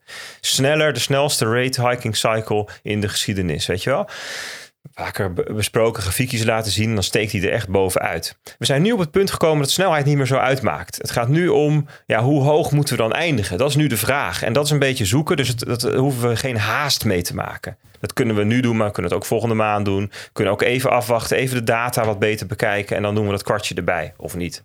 En dan daarna is de vraag, hoe lang blijft het dan op deze hoogte? Ja, en daarvan zegt uh, Paul uh, lang, heel lang. En, en um, higher for longer noemen, het wel, noemden we het al. En als je dan gaat kijken naar de SEP, eh, en je kijkt naar de renteverwachting volgend jaar, 2024, dan staan daar de stipjes op 4,6 procent. Of tussen de 4,5 en de 4,75. Dus een 1 procentpunt lager dan uh, 2023. En eigenlijk maar een half procentpunt lager dan waar we nu zitten. Ga je, ga je akkoord met dat verhaal van Paul? Of, of, of is dit eigenlijk gewoon een soort um, uh, mooi verhaal dat, dat plausibel klinkt? Want ik vind nog steeds niet echt een verklaring voor waarom je niet gewoon direct op het punt gaat zitten waarop je denkt dat je moet zitten. Nou, nee, kijk, ik, ik denk dat, het, dat hij dat heel goed doet wel. En dat, kijk, uiteindelijk gaat het zeg maar op de, om de oppervlakte onder de grafiek.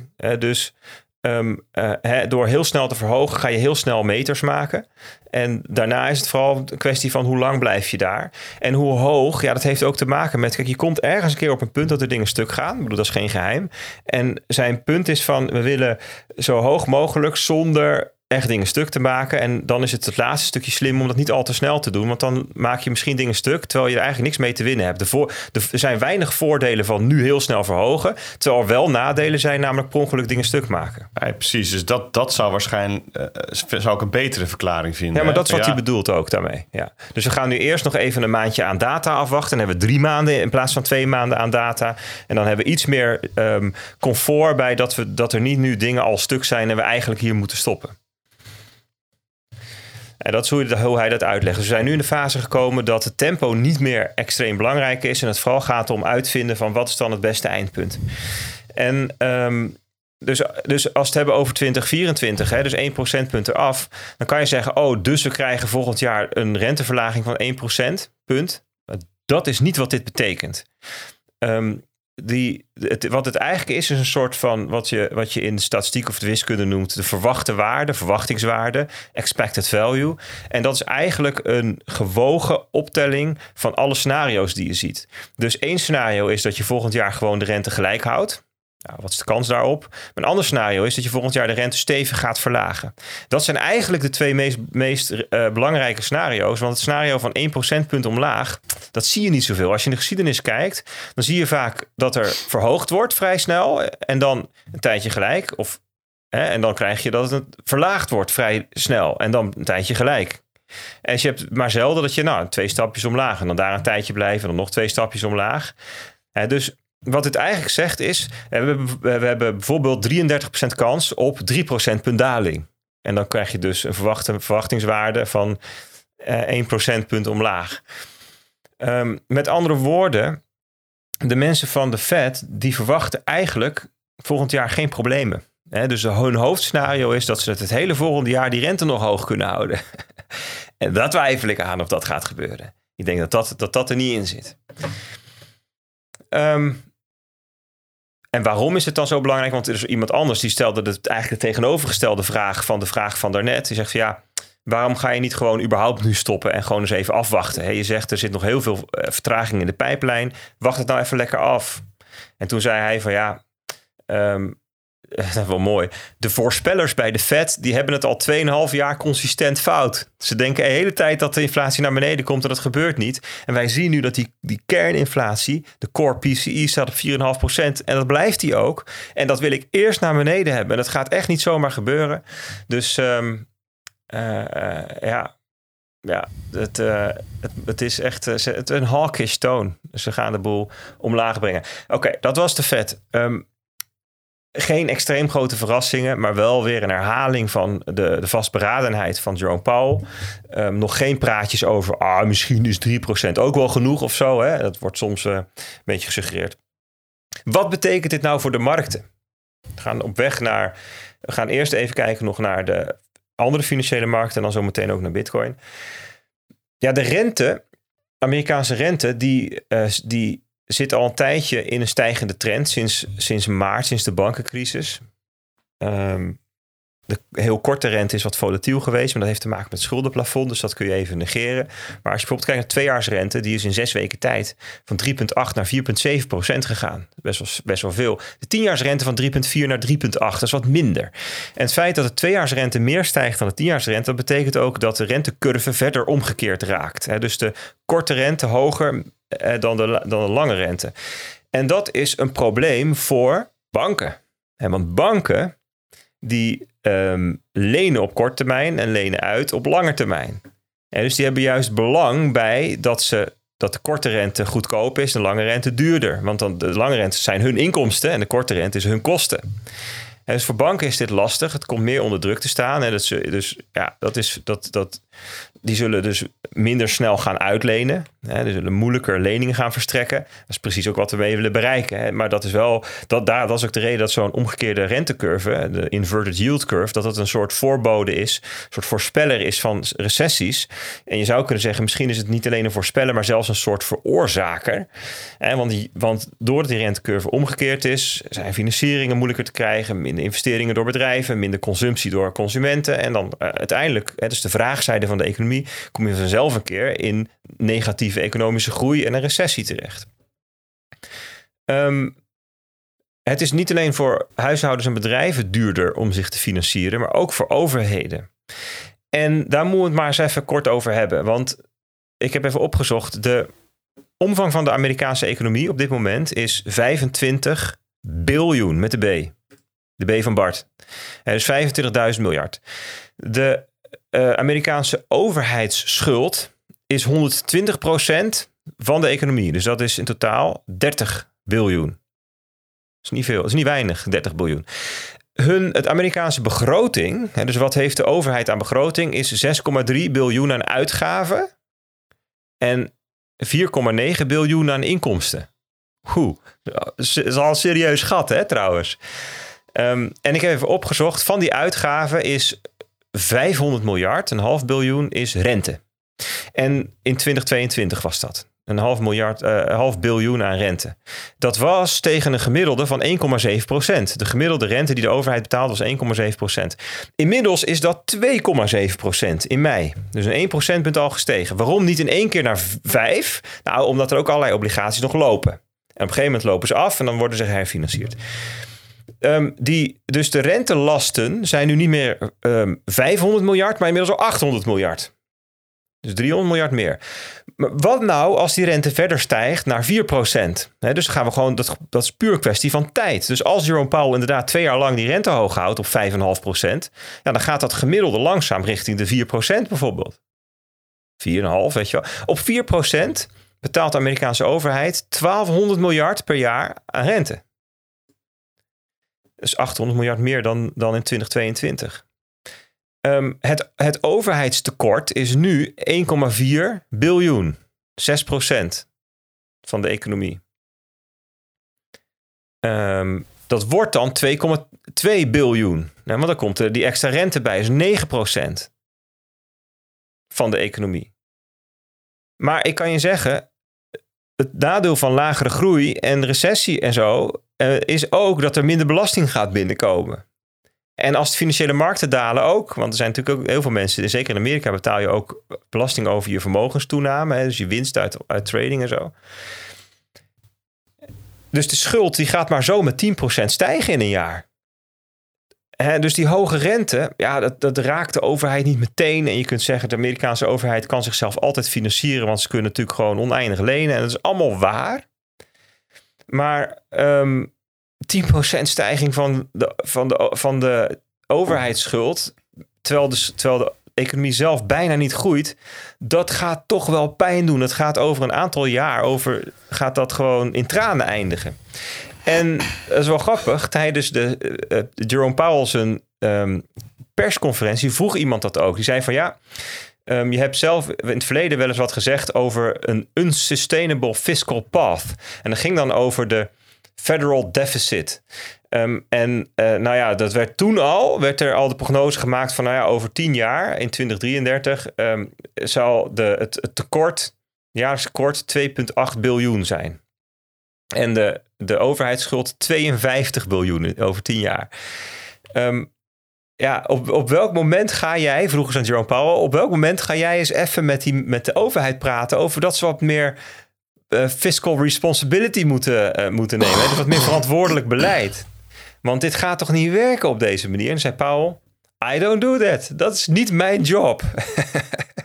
we hopen en we verwachten dat ze vanzelf een keertje verstandig beleid gaan voeren. ja. ja.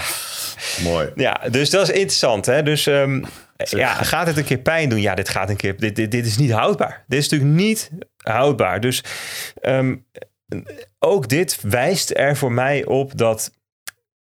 Ja, tuurlijk kun je die rente een tijdje hoog houden, een half jaar, misschien een jaar. Maar dit is niet die 5% rente, 5, 6% rente, dat is niet het nieuwe normaal. Dat geloof ik niet. Want er zijn mensen die dat zeggen. Hij zeggen, joh, vroeger was 5% rente heel normaal. Dit is gewoon een nieuwe niveau. En dat heeft ermee te maken dat we in deglobalisering en bla bla bla, noem het allemaal op. Hè. Dus, dus de inflatie is structureel hoger, dus rente ook hoger enzovoort. Ik, I don't buy that story. Dat gebeurt niet. Dat kan niet. Dat kan, je kunt niet tien jaar lang 5 of 6 procent als een soort van gemiddelde rente hebben. Want dan gaat Amerika helemaal kapot. Dan krijg je extreme groei van die overheidsschuld. En dan duurt het niet lang. En de complete uh, uh, begroting van de overheid bestaat uit rentebetaling. En wat er dan gaat gebeuren, is dat die, dat, dat kan niet anders dan dat de Fed wel gaat doen wat ze nu zeggen niet te doen. En dat is namelijk die rente gewoon financieren. Ja, dat is uh, een uh, slecht plan. Dat is een slecht plan.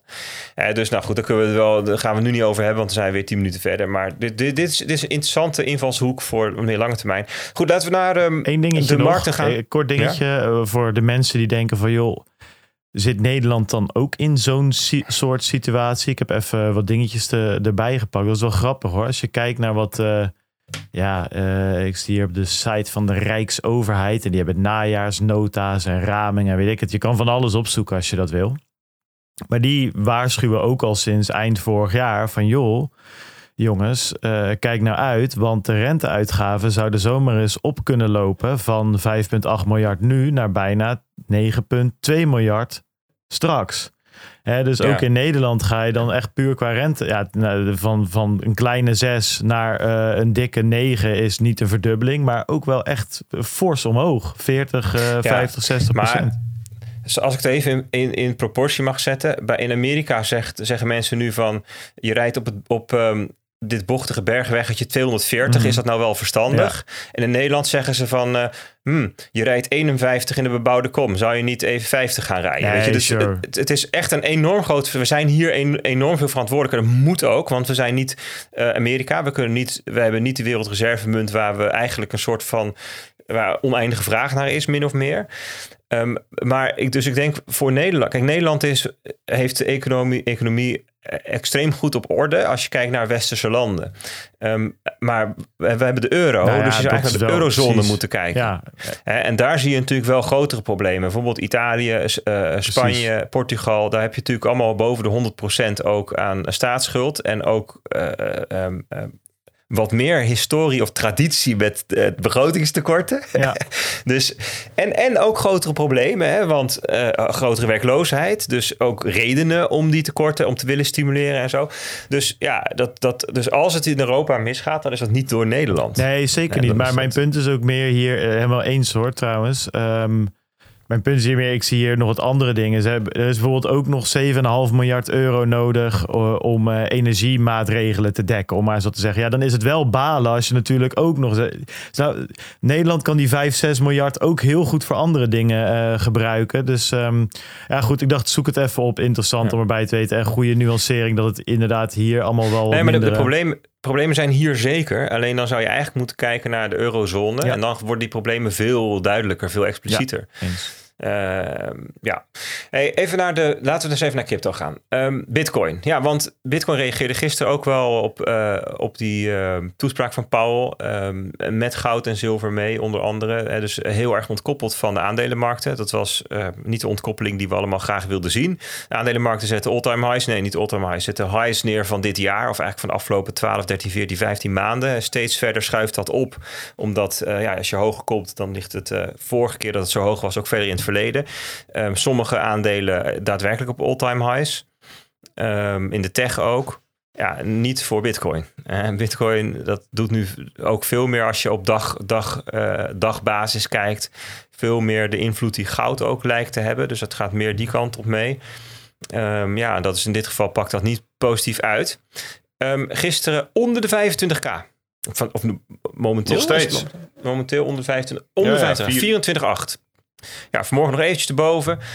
En dat betekent dat eindelijk deze correctie een beetje body krijgt. Een beetje body. Want we hebben het er natuurlijk al vaak over gehad. Hè?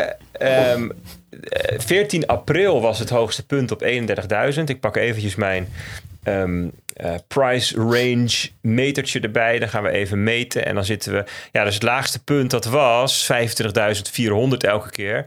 Ja, dat was maar een procent of 18 onder die top. En na een stijging, na een verdubbeling is dat best wel een milde correctie. Zou je eigenlijk verwachten, zeker aan het eind van een weekly cycle, waar ik denk dat we nu zitten. En na een half jaar van stijging heb je, dat is de weekly cycle van Bitcoin, ongeveer een half jaar, 26 weken. Verwacht je iets meer vuurwerk met, dat, ja, met, het, met, een, um, met de bodem van zo'n correctie? Um, en met vuurwerk bedoel ik prijsactie. Dus volume, uh, snelheid, volatiliteit, de snelheid waarmee de prijs beweegt. Maar ook sentiment. Dat mensen echt de hoop weer opgeven. Zeggen, oh jongens, het, was, het leek wat, maar het is helemaal niks. We gaan nu echt weer naar 12k. Weet je, dat moet je eigenlijk hebben. Mensen zeggen, ik geef het op, stop ermee. Ik, geloof niet dat het ooit nog goed komt. Um, en dat was er allemaal nog niet. En nu zien we dan, oké, het zit er nu op, al op 20%. En vaak zie je, dat zag je bijvoorbeeld ook in de boelmarkt van 15, 16, 17, hè, die periode. Dan zie je gewoon acht keer een correctie van 30%. En dat zou je nu, ik bedoel 30 hoeft niet, maar weet je, iets meer dan 18, 17, 18 procent. Dat zou niet gek zijn. En we zitten dus nu op 20.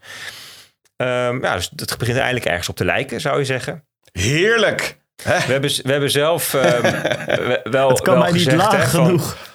ja. ja, goedkope zat. Nou ja, kijk, en dan begint de volgende, volgende weekly cycle en de volgende daily cycle. En dan, dan, zul je vaak, dan kom je vaak goed uit de startblokken. En dan is de vraag, wat gaat er dan gebeuren? Hè? In een, stel dat dit het begin is van een nieuwe boelmarkt in de komende twee, drie jaar. Hè, dat je net zoals vanaf 2019 2020, 2021 krijgt, stel, dan verwacht je dat in de volgende weekly cycle dat we boven de 31.000 euro dollar uit gaan komen. Maar er is ook, het is ook mogelijk, het, dat is zeg maar dat je aan een nieuwe weekly cycle begint, betekent niet dat de koersen per se hoger moeten gaan. De, de weekly cycle kan ook falen. Gebeurt soms. Ja, dan, ga je, dan, is, dan kom je wel goed uit de startblokken. Maar dan gaat het daarna gewoon lager. Dat is een heel slecht signaal.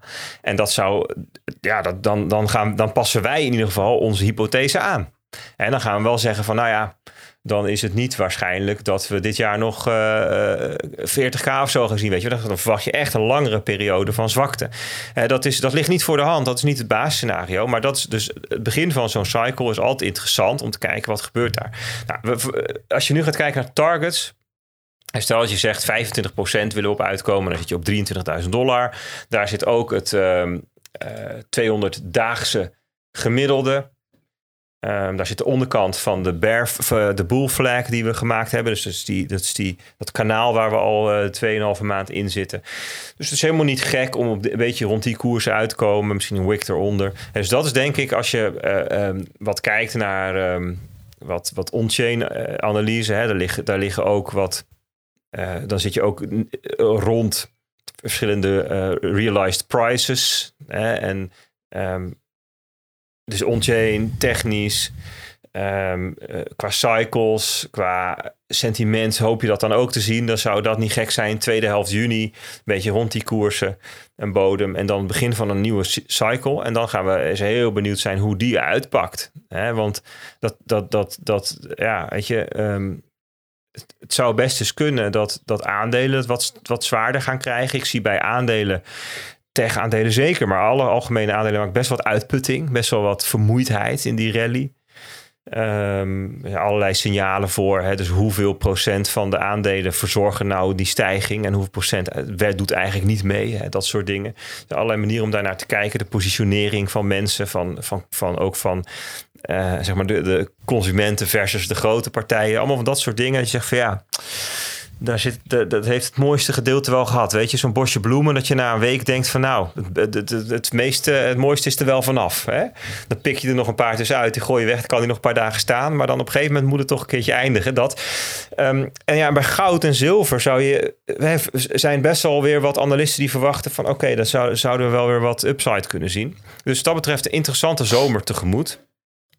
Dat is Bitcoin. dus dan heb je bij Bitcoin, als ik Bitcoin even vergelijk met 1 juni, Uh, waar stonden op 1 juni? Ja, op 27.000 ongeveer. Dat is ook de koers die we zagen op 21 mei en op 19 mei en op 14 mei. En weet je wel, dus dat is een, 27.000 is een koers die we heel veel gezien hebben. Nou, als ik dan even ga meten, hoe zit het nou met van 27.000 naar nu?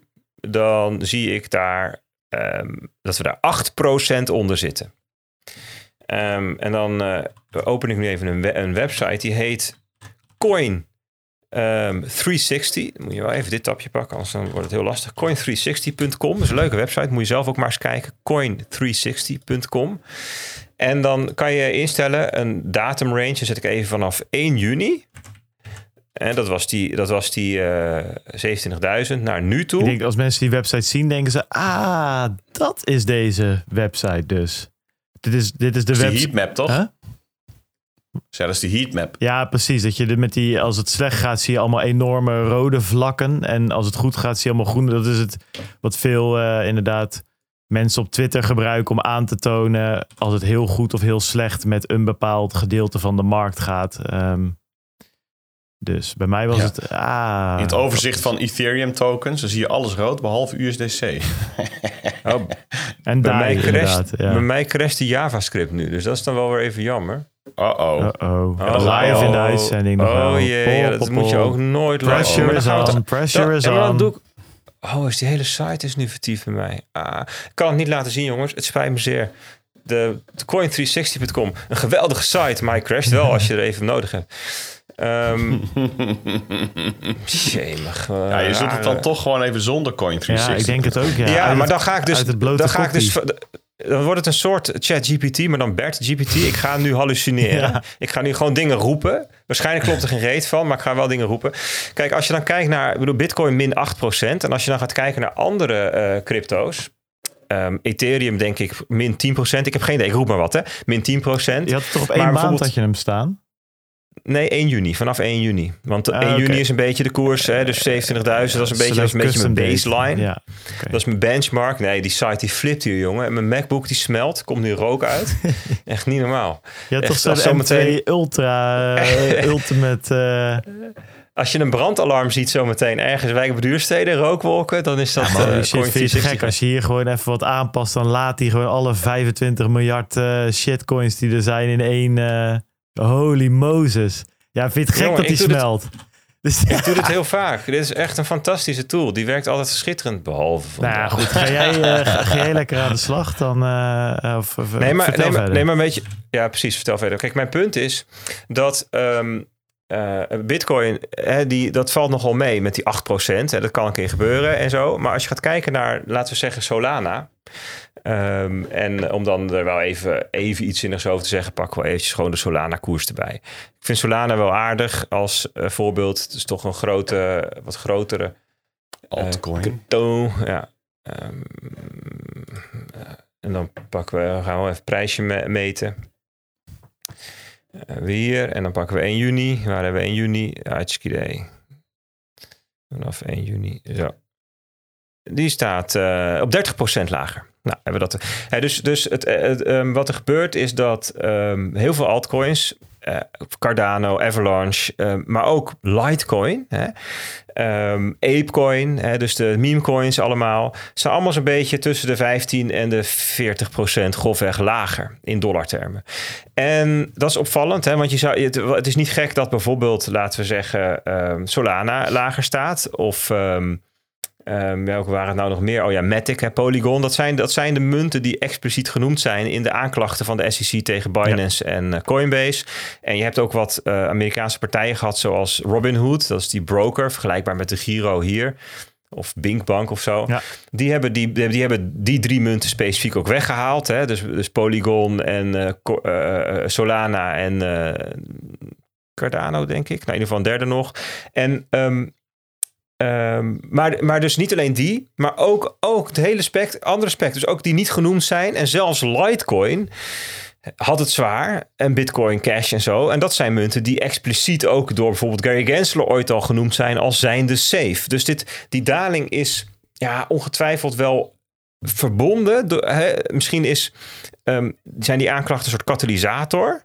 Maar het is niet de enige reden. Want dan zou je een ander beeld zien onder die altcoins. Bijvoorbeeld met de val van FTX en de problemen met Genesis. Toen zag je dat heel specifiek setje altcoins het zwaar hadden. Hè, toen met DCG, toen waren het die DCG-traded coins, waaronder Filecoin, dat was zo een specifieke, die hadden het toen zwaar. Je kon gewoon precies zien, dit setje heeft zwaarder dan de rest. Een soort ja, heatmap die zich aftekende. Dat is nu niet. Het hele spectrum heeft het zwaar. Dat zie je ook terug als je gaat kijken naar de Bitcoin dominance dus welk deel van de totale cryptomarkt wordt nou ingenomen door Bitcoin? En dan heb ik dit jaar wat anders gedaan dan eerder. Ik heb daar dit jaar Ether bijgenomen. Dus de dominance van Bitcoin en Ether ten opzichte van de rest. Of als je het omdraait, de rest ten opzichte van Bitcoin en Ether. Dan zie je dat de rest het, het heel zwaar heeft. En echt enorm uh, pijn leidt. Enorm afneemt in uh, marktaandeel zou je kunnen zeggen. En dat is niet uniek voor deze, uh, dit moment. Dat is heel gebruikelijk in deze fase van de markt. Zagen we ook in uh, ehm, 2019 tot 2021 in die periode. En dat, tot aan eigenlijk de hype van de boelmarkt. Het laatste stuk van de boelmarkt. Dan zie je dat de altcoins. Dan, wat je dan ziet, is dat men op zoek is naar rendement. Hè? Dus naar nog meer gekte en dan nog meer opwinding en nog meer prikkels. Maar ook Um, je ziet dan allerlei experimenten uh, uh, oppoppen. En dat is hartstikke mooi. Er zitten hele interessante dingen tussen. Hele nuttige dingen tussen. Sommige dingen die uh, leveren de kennis op van wat er niet werkt. Sommige dingen die leveren de kennis op van wat fantastische verbetering is. Aan de, soms weer aan bitcoin of aan ether of iets wat op zichzelf staat. Um, soms zijn er vier die hetzelfde proberen, waarvan er één blijft en de drie kapot gaan. En dat is de fase waar we nu in zitten. We zijn nu de fase dat er dingen kapot moeten. Dat er dingen, dat de, de projecten die falen, de experimenten die falen, die niet werken, dat die gescheiden worden van die wel werken. In de economie noemen we dat creative destruction.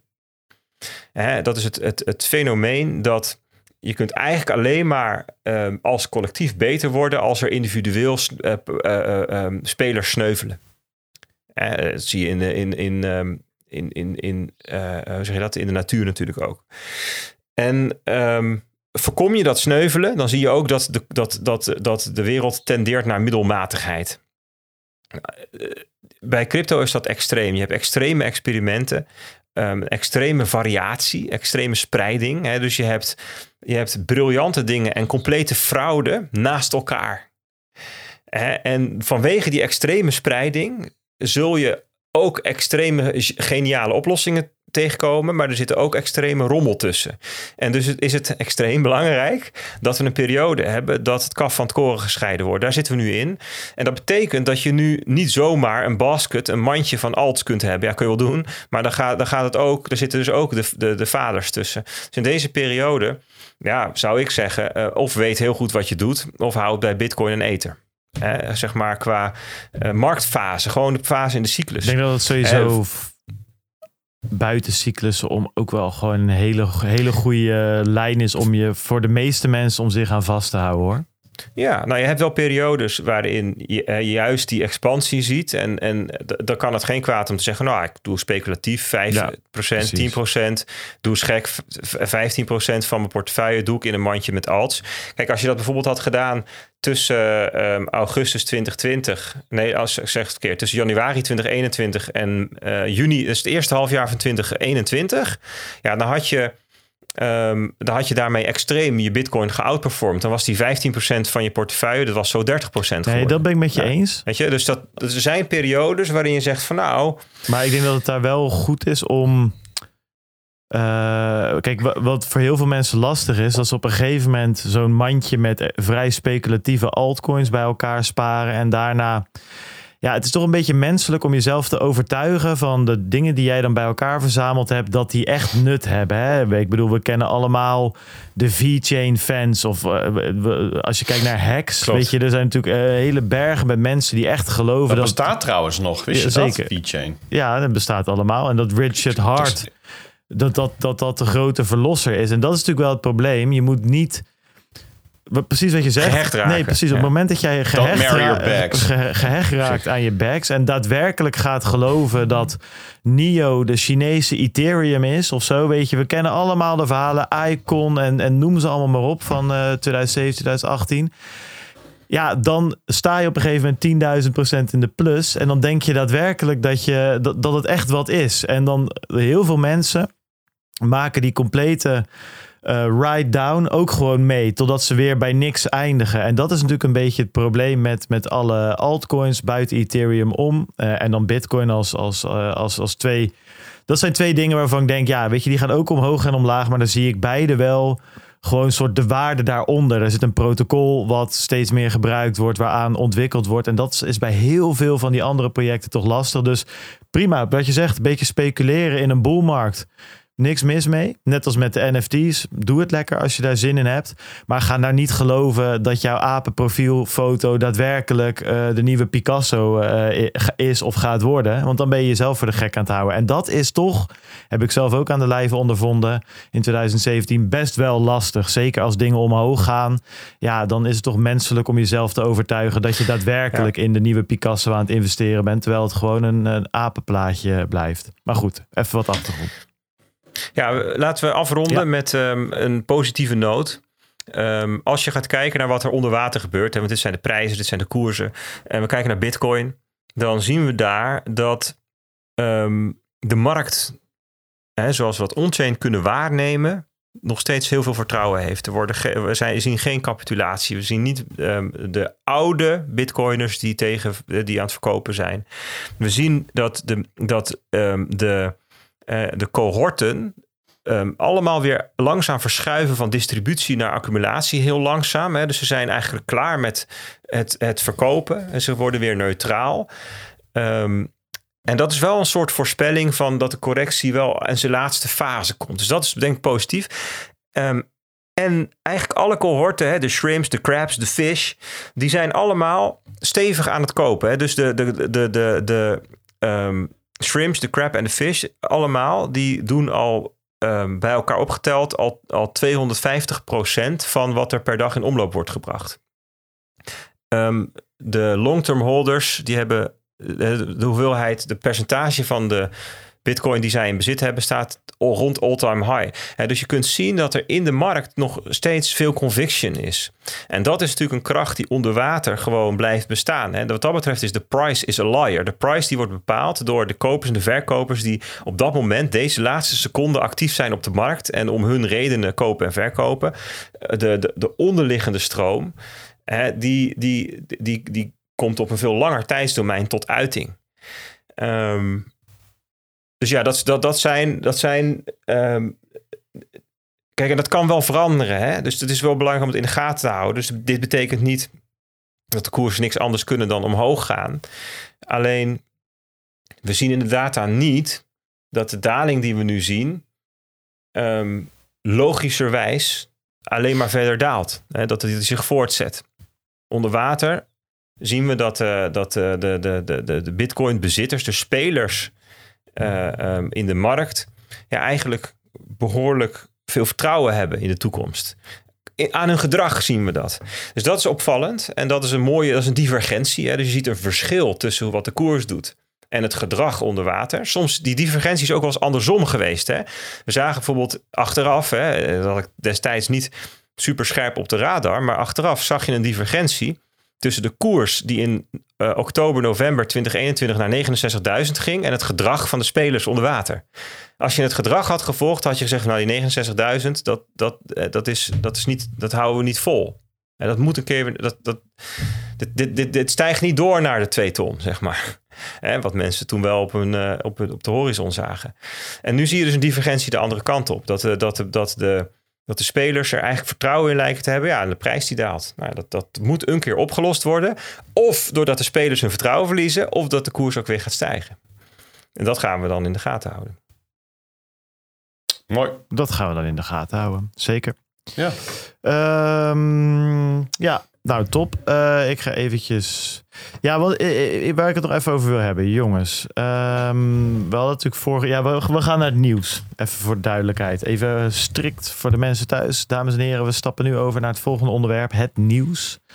Um, is deze week wel wat gebeurd. Maar ja, de bom was natuurlijk vorige week gedropt. Daar hebben we het ook over gehad in de, in de uitzending. SEC klaagt eerst Binance aan en CZ, daarna Coinbase. Uh, wegens het ja, operating een unregistered uh, securities exchange broker. En wat was de derde functie nou waar ze telkens over hadden? Um, Geen idee. Nou ja, goed. Ze, drie, drie functies die normaal gesproken ook gescheiden zijn. Anyway, het ging er vooral om dat ze ongeregistreerd waren en securities aanboden. Nou, daar hebben we het vorige week uh, flink over gehad.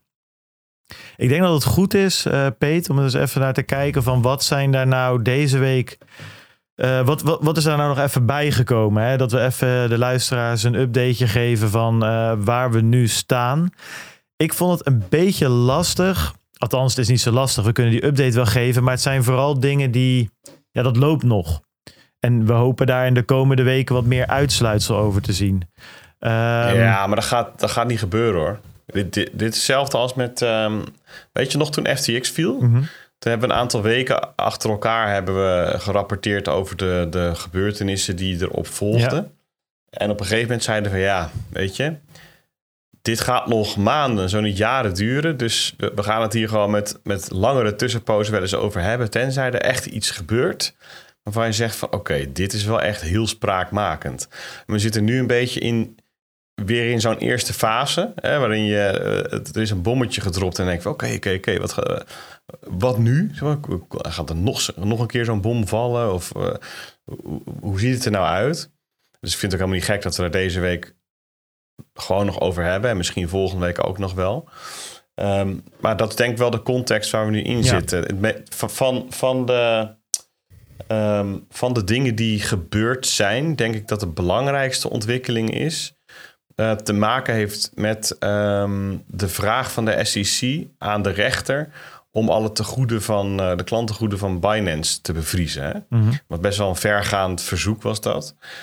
Dat normaal, ja, het is een abnormaal verzoek in de zin van hoe groot de speler is waarover ze het hebben. Dat onderwerp is van, van, het, uh, van het verzoek. Want het gebeurt wel met enige regelmaat dat dit soort dingen worden toegewezen, maar vaak gaat het dan over kleinere spelers, las ik. Uh, waar ook helemaal niet dan per se een uh, verdediging of zo aan uh, gekoppeld is. En die partij die ziet het dan gebeuren en laat het passeren. En ja, daar, daar is dan kennelijk een goede reden voor of zo. Maar nu, nu heb je een Binance tegenover je staan. Ja, en die gaan gewoon wel terugbijten. En in eerste instantie las ik dat veel analisten zeiden: van, Nou, als dit hun verdediging is, nou, dan uh, is het uh, echt heel snel klaar met Binance. Maar ja, kennelijk zit het toch net even anders. Want die rechter die heeft uh, min of meer een streep door dat verzoek heen gezet. En gezegd van joh, um, ik zie nu niet waarom jullie bewezen hebben dat ik hier inderdaad voor moet besluiten. Um, ik wil wel nog wat informatie van Binance hebben. Maar verder, ja, probeer het maar samen op te lossen. Ja. Dus, via, via mij gaat het niet gebeuren. Dus die zogeheten assets freeze, daar is nu geen sprake van. En, en ja, je zou dus kunnen zeggen van nou ja, dat is een, um, uh, toch een tegenslag, denk ik, voor de SEC die daar met gestrekt been inging. Ja. Met hele harde taal. En ja, met dezelfde overtuiging die ze ook op andere fronten laten zien, ja, dan blijkt toch die overtuiging iets wat misplaatst te zijn. Ja, nou zeker. En uh, ik zat even te denken, wat je had inderdaad over die verdediging van Binance, maar dat, die, dat was toch ook gewoon op alle aanklachten nog? Nee hoor, dat was, dat was specifiek voor het verzo- uh, op het verzoek. Um, tenminste, uh, het kan, er, zijn, er gebeurt natuurlijk in de week Precies, hartstikke ja. veel. Uh, dus het kan best zijn dat er, um, op, uh, dat, dat er op allerlei punten documentaties ingediend en dat er verdedigingen zijn gevoerd enzovoort. Maar het, ver, het, het, het verzoek om die assets te bevriezen, dat is een, een losstaande procedure en daar is ook een losstaand antwoord op gekomen okay. van, van Want ik meende ook nog een uh, defense report, of hoe noem je dat? Een uh, ja, verdediging. Verdediging van Binance op het uh, gehele stuk ergens langs te zien komen. En daar werd ook nog op gereageerd van... Ja, ik had het ook nog een beetje door zitten lezen. Ja, daar, daar was een van de punten die ze maakte. En dat ging op Twitter op een gegeven moment rond van... ja, jullie hebben nooit echt gezegd dat we fout zaten. En nu opeens wel of zo. Dus hadden, ja, dat was een beetje van... Ja, dat, dat iedereen dacht van ja dat is niet echt een goede verdediging. Ja, dat, dat ze er nooit wat van gezegd hebben en nu wel. Ja, dat kan natuurlijk gewoon. Ehm, maar goed, dat zou ik nog eens even na moeten, moeten checken. Een ander ding wat naar voren kwam is rondom Coinbase. want die hadden dus ook weer. Ja, dat is wat je zegt. Het is, ik moet zeggen, ik vind het wel lastig, want er loopt echt veel door elkaar. Maar die hadden um, ja, een petition, zoals het dan heet. Uh, gestuurd naar de SEC, waar ze vroegen um, ja, om hun uh, ja, om verduidelijking eigenlijk, volgens mij. Om, om even helemaal, helemaal plat te slaan. En de SEC heeft gezegd, nou, nee, gaan we niet doen of zo. En, en dat, dat blijft dus ook weer een beetje doorsudderen. Um, het punt is, hè, dus, dus um, Coinbase is natuurlijk al 30 keer bij de SEC op bezoek geweest. En op een gegeven moment hebben ze op een formeel om, uh, een verzoek ingediend um, om iets gezegd te krijgen over uh, al die procedures ja, waar zij mee te maken hebben en waarvan zij vinden dat, dat ze er niet doorheen kunnen. Een beetje zoals je een kindje wel eens een vierkantje door een rond uh, gaatje ziet persen. Ja, dat, dat past niet. En dat, dat is wat Coinbase zegt, dat is wat andere partijen zeggen. Nou, en dat, daar kun je eh, de SEC formeel een reactie om vragen.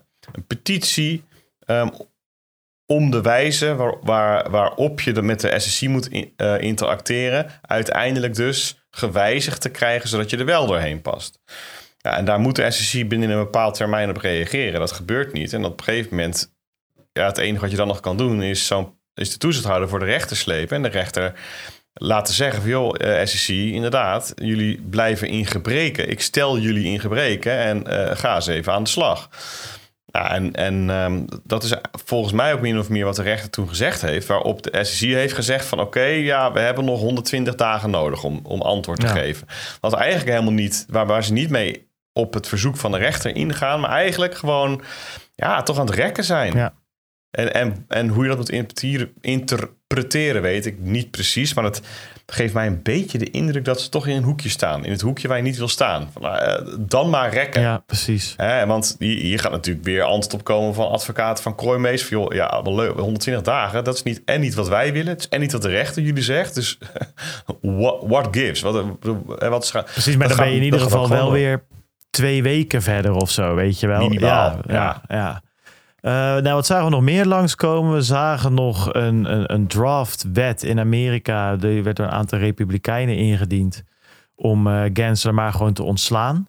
Um, ja. ja, goed. Ja, hoe je dat dan weer moet interpreteren. Ja, ik heb een beetje naar zitten kijken. Het werd dan um, ingediend door een... Uh, ja, uh, Davidson en Emmer. Ja, precies. En die Emmer is dan wel weer, is ook een beetje op te zoeken, die is dan wel weer bepaald, die heeft een bepaalde rol, leider van de Republikeinen in het een of het andere uh, huis of senaat of congres of whatever. Dus er zit dan wel weer volgens mij wel iets van, dacht ik, ja, oké. Okay. ik kan wel, eh, ik kan wel even een, een take erop ja. geven. Uh, dus, um, um, ja, dus die rechtszaken die, uh, die zijn aangekondigd. En het draait om welke crypto's zijn nou securities, welke niet. Dat is in ieder geval de rode draad. Hè. Bij Binance wordt er nog allerlei andere dingen bijgetrokken. En daar kun je op allerlei manieren naar kijken. Je kunt zeggen van nou, de, overheid, dat de bal ligt bij de overheid. Die had met duidelijke regels moeten komen. Daar wordt de wet gemaakt. Je kunt zeggen van nou, er komt hoe dan ook duidelijkheid via de rechter. En dat is een prima route. Je, je, kunt zeggen van nou, een derde betere route was geweest dat toezichthouders zelf gewoon meedenkend waren en duidelijkheid hadden gegeven. Nou, het is nu duidelijk dat de primaire route die via de rechter is. De politiek komt er niet nu uit in ieder geval.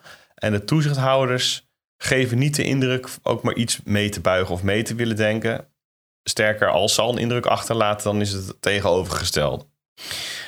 Um, en het is door die context dat er op allerlei punten gaten zijn. Bijvoorbeeld die politieke padstelling of die politieke impasse. Ja, die leidt er gewoon toe dat er gaten zijn om in te springen. Bijvoorbeeld door populistische politici. Zoals een Elizabeth Warren met de Crypto Army, de anti-crypto army, maar ook de um, voorstanders, en die vind je vooral aan de Republi republikeinse kant, um, zoals Tom Emmer en Warren Davidson, die inspelen eigenlijk op het sentiment dat die toezichthouders achterlaten. Van, eh, eh, zij zijn een soort van vijand van de markt. Hè. Zo, zo, wordt, zo wordt daar ook in, op crypto-Twitter over gesproken. En er zijn allerlei nieuwsmedia die daar inmiddels ook op die manier over schrijven. En dus het, nieuwe wetsvoorstel, dat werd gelanceerd met de hashtag Fire Gary. En dat is, is natuurlijk een populistische framende ondertoon.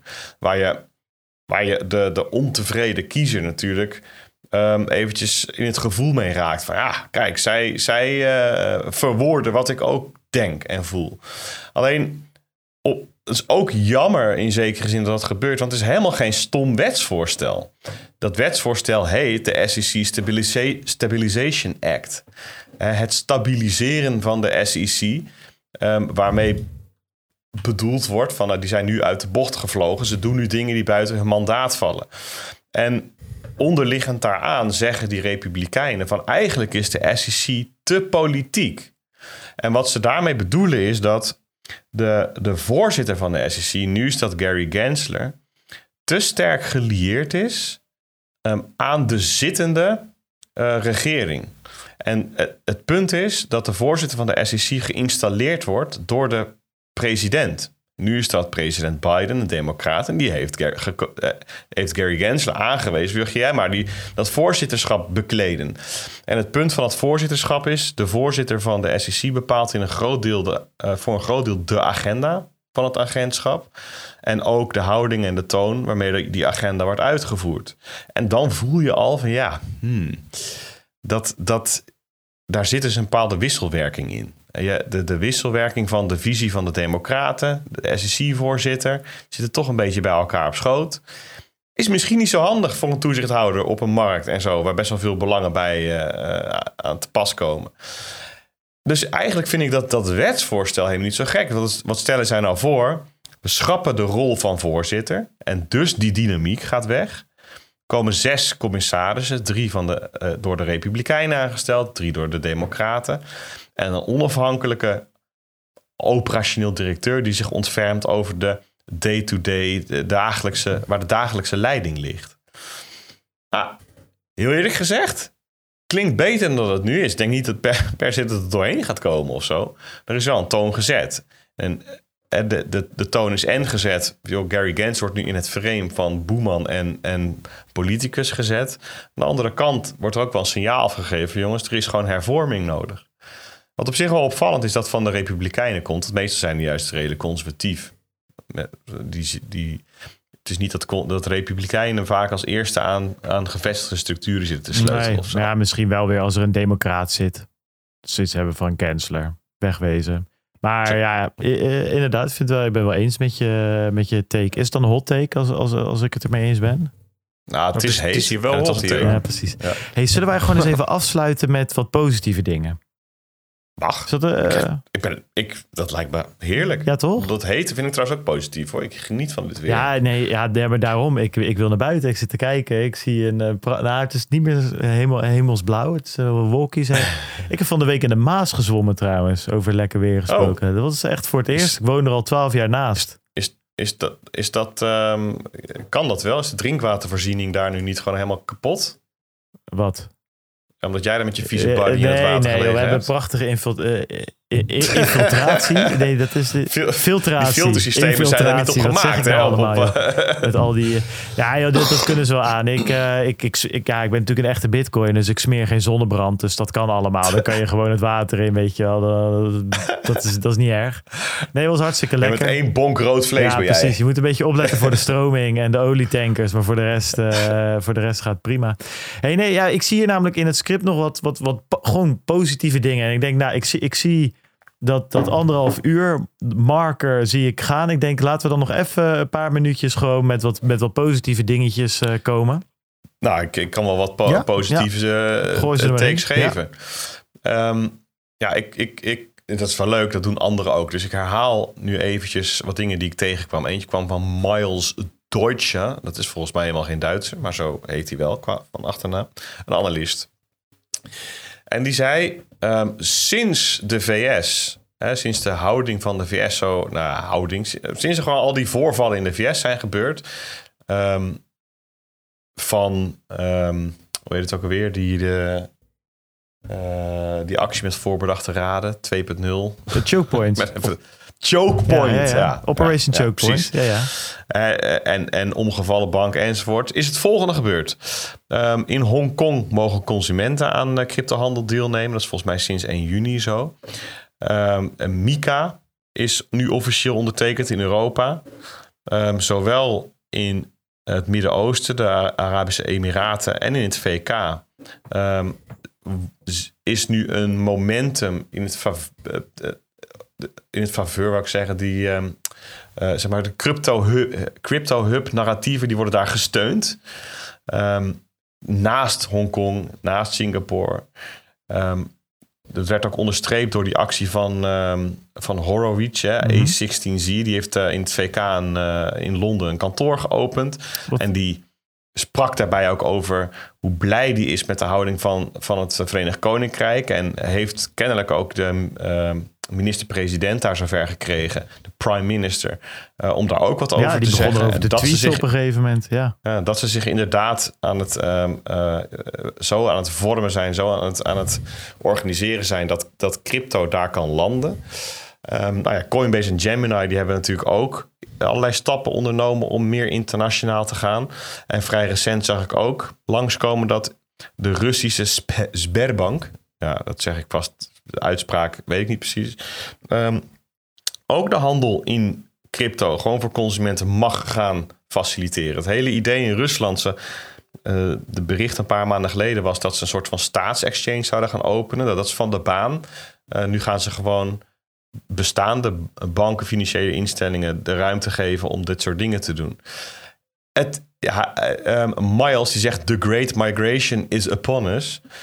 Ja, dit is wel gewoon het, het ding. Hè? Hoe, hoe harder je op de VS nu gaat focussen, hoe te, meer te neergeslagen je wordt. Hè? Want het is daar nu gewoon chaotisch. Het is een beetje lelijk. Het is touwtrekken. Het is, het is complottheorieën. Het is allemaal gedoe. Ehm, terwijl het daarbuiten ja, wordt daadwerkelijk gewoon gebouwd, wordt ruimte gemaakt voor, voor crypto. Ehm, en ik, ja, is dat positief? Nou, ik denk als je je beperkt tot het bekijken van die ontwikkeling, ja zeker. Dan krijg je dus niet het beeld van het is aan het verdwijnen, wat je misschien krijgt, kijkt als je alleen maar naar de VS kijkt.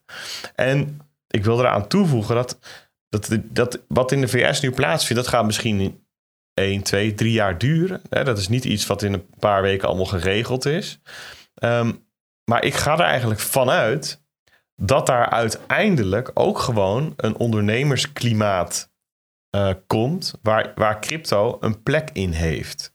Eh, en zodra dat gebeurt, zodra daar de eerste tekenen van komen, zodra dat uitkristalliseert, zul je zien, met een knip in de vingers, staan al die bedrijven die nu ook elders kijken, gewoon weer voor de deur van de VS om daar de markt te betreden.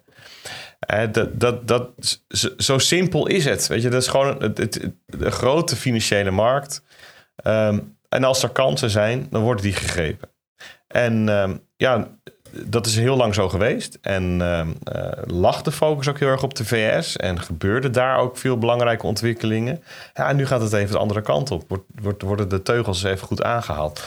Ehm, en elders gaan dus ook weer deuren open. Ja. Nou, ik vond het interessant, bijvoorbeeld eh, het interview wat Brian Armstrong eh, gaf met New York Times was het voor mij, of Wall Street Journal. Een van de twee, waarin hij dus inging op die SEC-complaint. Hoe uitgesproken positief hij was over Europa en Mika. Hè? Dus dat hij, dat hij zegt van ja, eh, jongens, eh, we Ja. are getting left behind. Wa- Was letterlijk, waren letterlijk zijn woorden. Of the, the risk of getting left behind of iets in die richting. En hij is natuurlijk Amerikaan en eh, Coinbase is Amerikaans. En hij zei ook van joh, we will never give up on the US. Of weet je, het is natuurlijk een beetje patriotistisch allemaal. Eh, maar hij zei wel van ja, kijk, in Europa kunnen ze het wel. Daar hebben ze die wet. eh, en daar is wel duidelijkheid. En daar kunnen we verder aan de slag. Het is ook wel interessant om te zien dat dat soort indus- industry leaders dus daadwerkelijk wel. eh, ja, misschien is het zo omdat het in Amerika op dit moment zo slecht geregeld is dat alles beter is dan dat. Hè? Dus dat Mika er ook gewoon mooi bij afsteekt, omdat het in ieder geval iets is. Maar ja, weet je, aan de andere kant kan je het ook positief bekijken en zeggen, ja, dat doen we dan voor de verandering in Europa een keer goed. Ja, is, Ehm, is natuurlijk onderdeel van allemaal ook onderdeel van, uh, van dat op orde krijgen van die, van die Amerikaanse markt hè? en de Amerikaanse politiek. En want door te zeggen dat het elders wel in orde is, ja, dan zet je natuurlijk druk uh, op de politiek in de VS. En um, ja, ik, deze had ik ook aan in de CryptoCast. En nu heb ik even de gelegenheid om op te zoeken. Ik, vond de quote, ik kwam een quote tegen van Winston Churchill. Um, en die gaat als volgt: Americans will always do the right thing. Only after they have tried everything else. En ik denk dat dat ik ook hierop van toepassing is. Uh, en zeker voor de financiële markt van de VS geldt. Daar gaat men gewoon niet snel dingen veranderen. Het is logisch ook. Er gaan zo ontzettend veel geld in om. Het is, ja, het is de grootste, diepste, het is de belangrijkste financiële markt die we kennen. Ja, weet je, en, en je kunt nu als cryptopartijen gaan staan springen om snelle verandering, maar dat gaat niet gebeuren. Daar, daar, gaat, daar gaat politiek over gestreden worden. Daar gaan toezichthouders gaan daar, uh, gaan naar links, naar rechts. In ieder geval niet direct mee.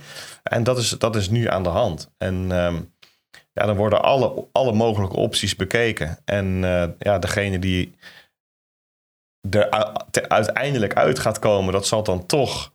Het is geen poldermodel, maar dat zal dan toch een middenweg zijn tussen alle belangen die er spelen. En um, ja, hoe dat eruit komt te zien, um, is, is lastig te voorspellen. Maar ja, ik, ik denk dat, uh, dat er uiteindelijk iets uitkomt, wat ik net ook al zei, waar crypto gewoon een plek in heeft.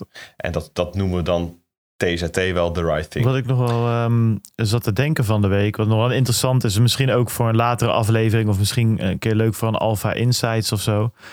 Um, wat Armstrong ook zei, is dat uh, in de rest van de wereld dit securities is uh, een coin en security wat, wat minder speelt, omdat dat de, er zijn geen verschillende toezichthouders voor commodities en securities in andere landen. Wordt vaak door dezelfde toezichthouder gedaan. Dus dat, dat die, die enorme druk die er nu op ligt om de vraag te beantwoorden: is Ether een security of een commodity? Of is Bitcoin een commodity of een security? Dat is, speelt in andere landen minder. En toen dacht ik, misschien weten jullie dat.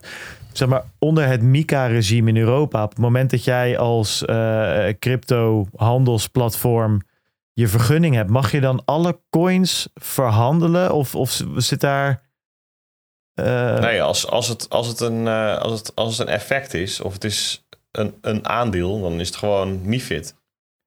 Ja, maar hoe gaan we dat dan in Europa per munt bepalen? Kijken we daar dan naar. Ja, dat, is, dat, dat is nog onderdeel van gesprek. Dat is eigenlijk nog helemaal niet beantwoord dit. Nou, conceptueel wel. De details zijn, die moeten nog worden gemaakt. Maar conceptueel is het zo dat een uitgever van een crypto-activum... die moet die registreren uh, in Europa. En als die is geregistreerd, mag die worden verhandeld bij een cryptodienstverlener. Okay. Ja, maar daar, als een, ja. oh, oh, wacht even, deel 2. Als een cryptodienstverlener besluit iets te verhandelen... wat niet geregistreerd is in Europa... dan neemt daarmee de cryptodienstverlener de verantwoordelijkheid op zich voor alles wat er rondom dat asset gebeurt. En dat is een manier om te zorgen dat um, bijvoorbeeld uh, uh, dienstverlener die kan wel iets listen, maar die zal wel twee keer uitkijken met wat hij list, zeg maar. Hè? Want, ja. En ik geloof wel dat er iets komt voor bestaande coins, dat daar een soort grandfathering iets omheen komt. Dat Bitcoin, dus we hoeven niet alsnog Satoshi uit de dood op te halen om hem even een, de, de munt te laten registreren. Ja, bij de even de handtekening te laten zetten. Ah, goed, ik geloof niet dat hier het laatste over gezegd nee, is. zeker niet. Maar, dit staat nu in de wet. Hè? Dit, dit staat gewoon zwart op wit. Dus wat er nog niet is, is de uitwerking hiervan. Ja, nou ja, en, en bedoel, dat hier discussie over is, dat blijkt wel uit de input die geleverd wordt voor, de volgende, voor, de, voor de volgende versie van Mika. Dat je daarin wordt dit als hiaat beschreven, want nu ligt um, het bepalen of het wel of niet onder MIFID valt, een crypto asset, dat ligt bij de nationale toezichthouder. En daarvan som, sommige partijen die die input leveren zeggen van ja, weet je, dat is onhoudbaar. Er zijn zo ontzettend veel assets dat dat gaat, dat, dat wordt en niet eenduidig. Um, en het is niet te doen voor een nationaal toezichthouder om dat allemaal uit te zoeken. Dus wat ons betreft zou de modus operandi moeten zijn: alles is standaard MIFID en bewijs maar dat je onder MICA valt. Dus deze discussie van wat is Bert, Bert vertelde dat mooi in de CryptoCast. Hè. Je kunt het zien als een papier, een crypto, een crypto. En afhankelijk van wat je op papier zet, krijgt dat papiertje betekenis. Dan kan een boodschappenlijstje zijn, het kan een contract zijn, het kan whatever, een gedicht. En dat geldt voor een crypto ook. Af- afhankelijk van wat je ermee doet, de functie die het heeft, gaat het onder, onder ofwel Mika ofwel MIFID vallen. Ja, Of, de, of de e-money-wetgeving. ja, die klassificatie is niet ineens geregeld omdat we Mika hebben of zo. Nee, maar daar was ik even benieuwd eh, naar. Maar eigenlijk dit, dit hele security versus commodity vraagstuk speelt dus in een, in een, zij het in een iets andere verschijningsvorm ook nog steeds in Europa. Ondanks dat we hier wel nu die wetgeving hebben staan. Klopt, maar het is ook. Ik vind ook dat, ehm, dat Armstrong, in, in, als hij zoiets zegt, legt hij de nadruk op het verkeerde. Want het is, gaat in de VS. Het, tuurlijk zien we overal de, platte vraag: is het wel of geen security? Maar eigenlijk gaat het erom: ehm, hoe kunnen we zonder de aard van crypto te verliezen, daar financiële markten voor faciliteren in de VS? Dat is de, de, de eigenlijke vraag. En het maakt Coinbase geen hol uit of, of het uiteindelijk nou in het bakje security of commodity of e-money of weet, weet ik veel terechtkomt. Als hij er- token. Ja. Eh, als hij er maar ehm, markten voor kan faciliteren op een manier die past bij de aard van cryptoactiva. Dat is het, het, het onderliggende probleem. Waar dat uitgevochten wordt. Eh, en ehm, ja, weet je, die, die, dus de precieze klassificatie van een, van, een, van een security of een commodity is eigenlijk nog niet eens zo heel. Ja, bedoel, Nee, maar het is, eh, eh, ik ben het met je eens. Dat is de onderliggende vraag. En die uit zich in dit hele verhaal van... Ik bedoel, het kan ook inderdaad, dan zijn, zijn het allemaal securities. Of, ze- maar het gaat erom dat er dus duidelijkheid moet komen. Zodat ze hun bedrijf daarop in kunnen richten. klopt. Nee, dan zijn het allemaal securities. En dan moet er duidelijkheid komen in hoe je. Eh, ho- hoe, dus, hè, dus dan, het is niet dat als je duidelijkheid hebt dat het securities zijn, dat je dan je bedrijf kunt inrichten. Nou. Dan zou je het nu ook kunnen doen. Het gaat erom dat, je dan, dat het dan onduidelijk is hoe je dat dan moet doen. Ja, bedoel, je, gaat dan twee, je hebt dan maar twee uitkomsten. Namelijk, Ja, of crypto in de VS is gewoon eh, dead on arrival. Of eh, de toezichthouder gaat meebewegen en inderdaad de registratieprocedures en hun interpretatie van de effectenwet aanpassen, zodat het karakter van crypto niet verloren gaat. En dan gaat het bijvoorbeeld over dat ze peer-to-peer verhandelbaar zijn enzovoort.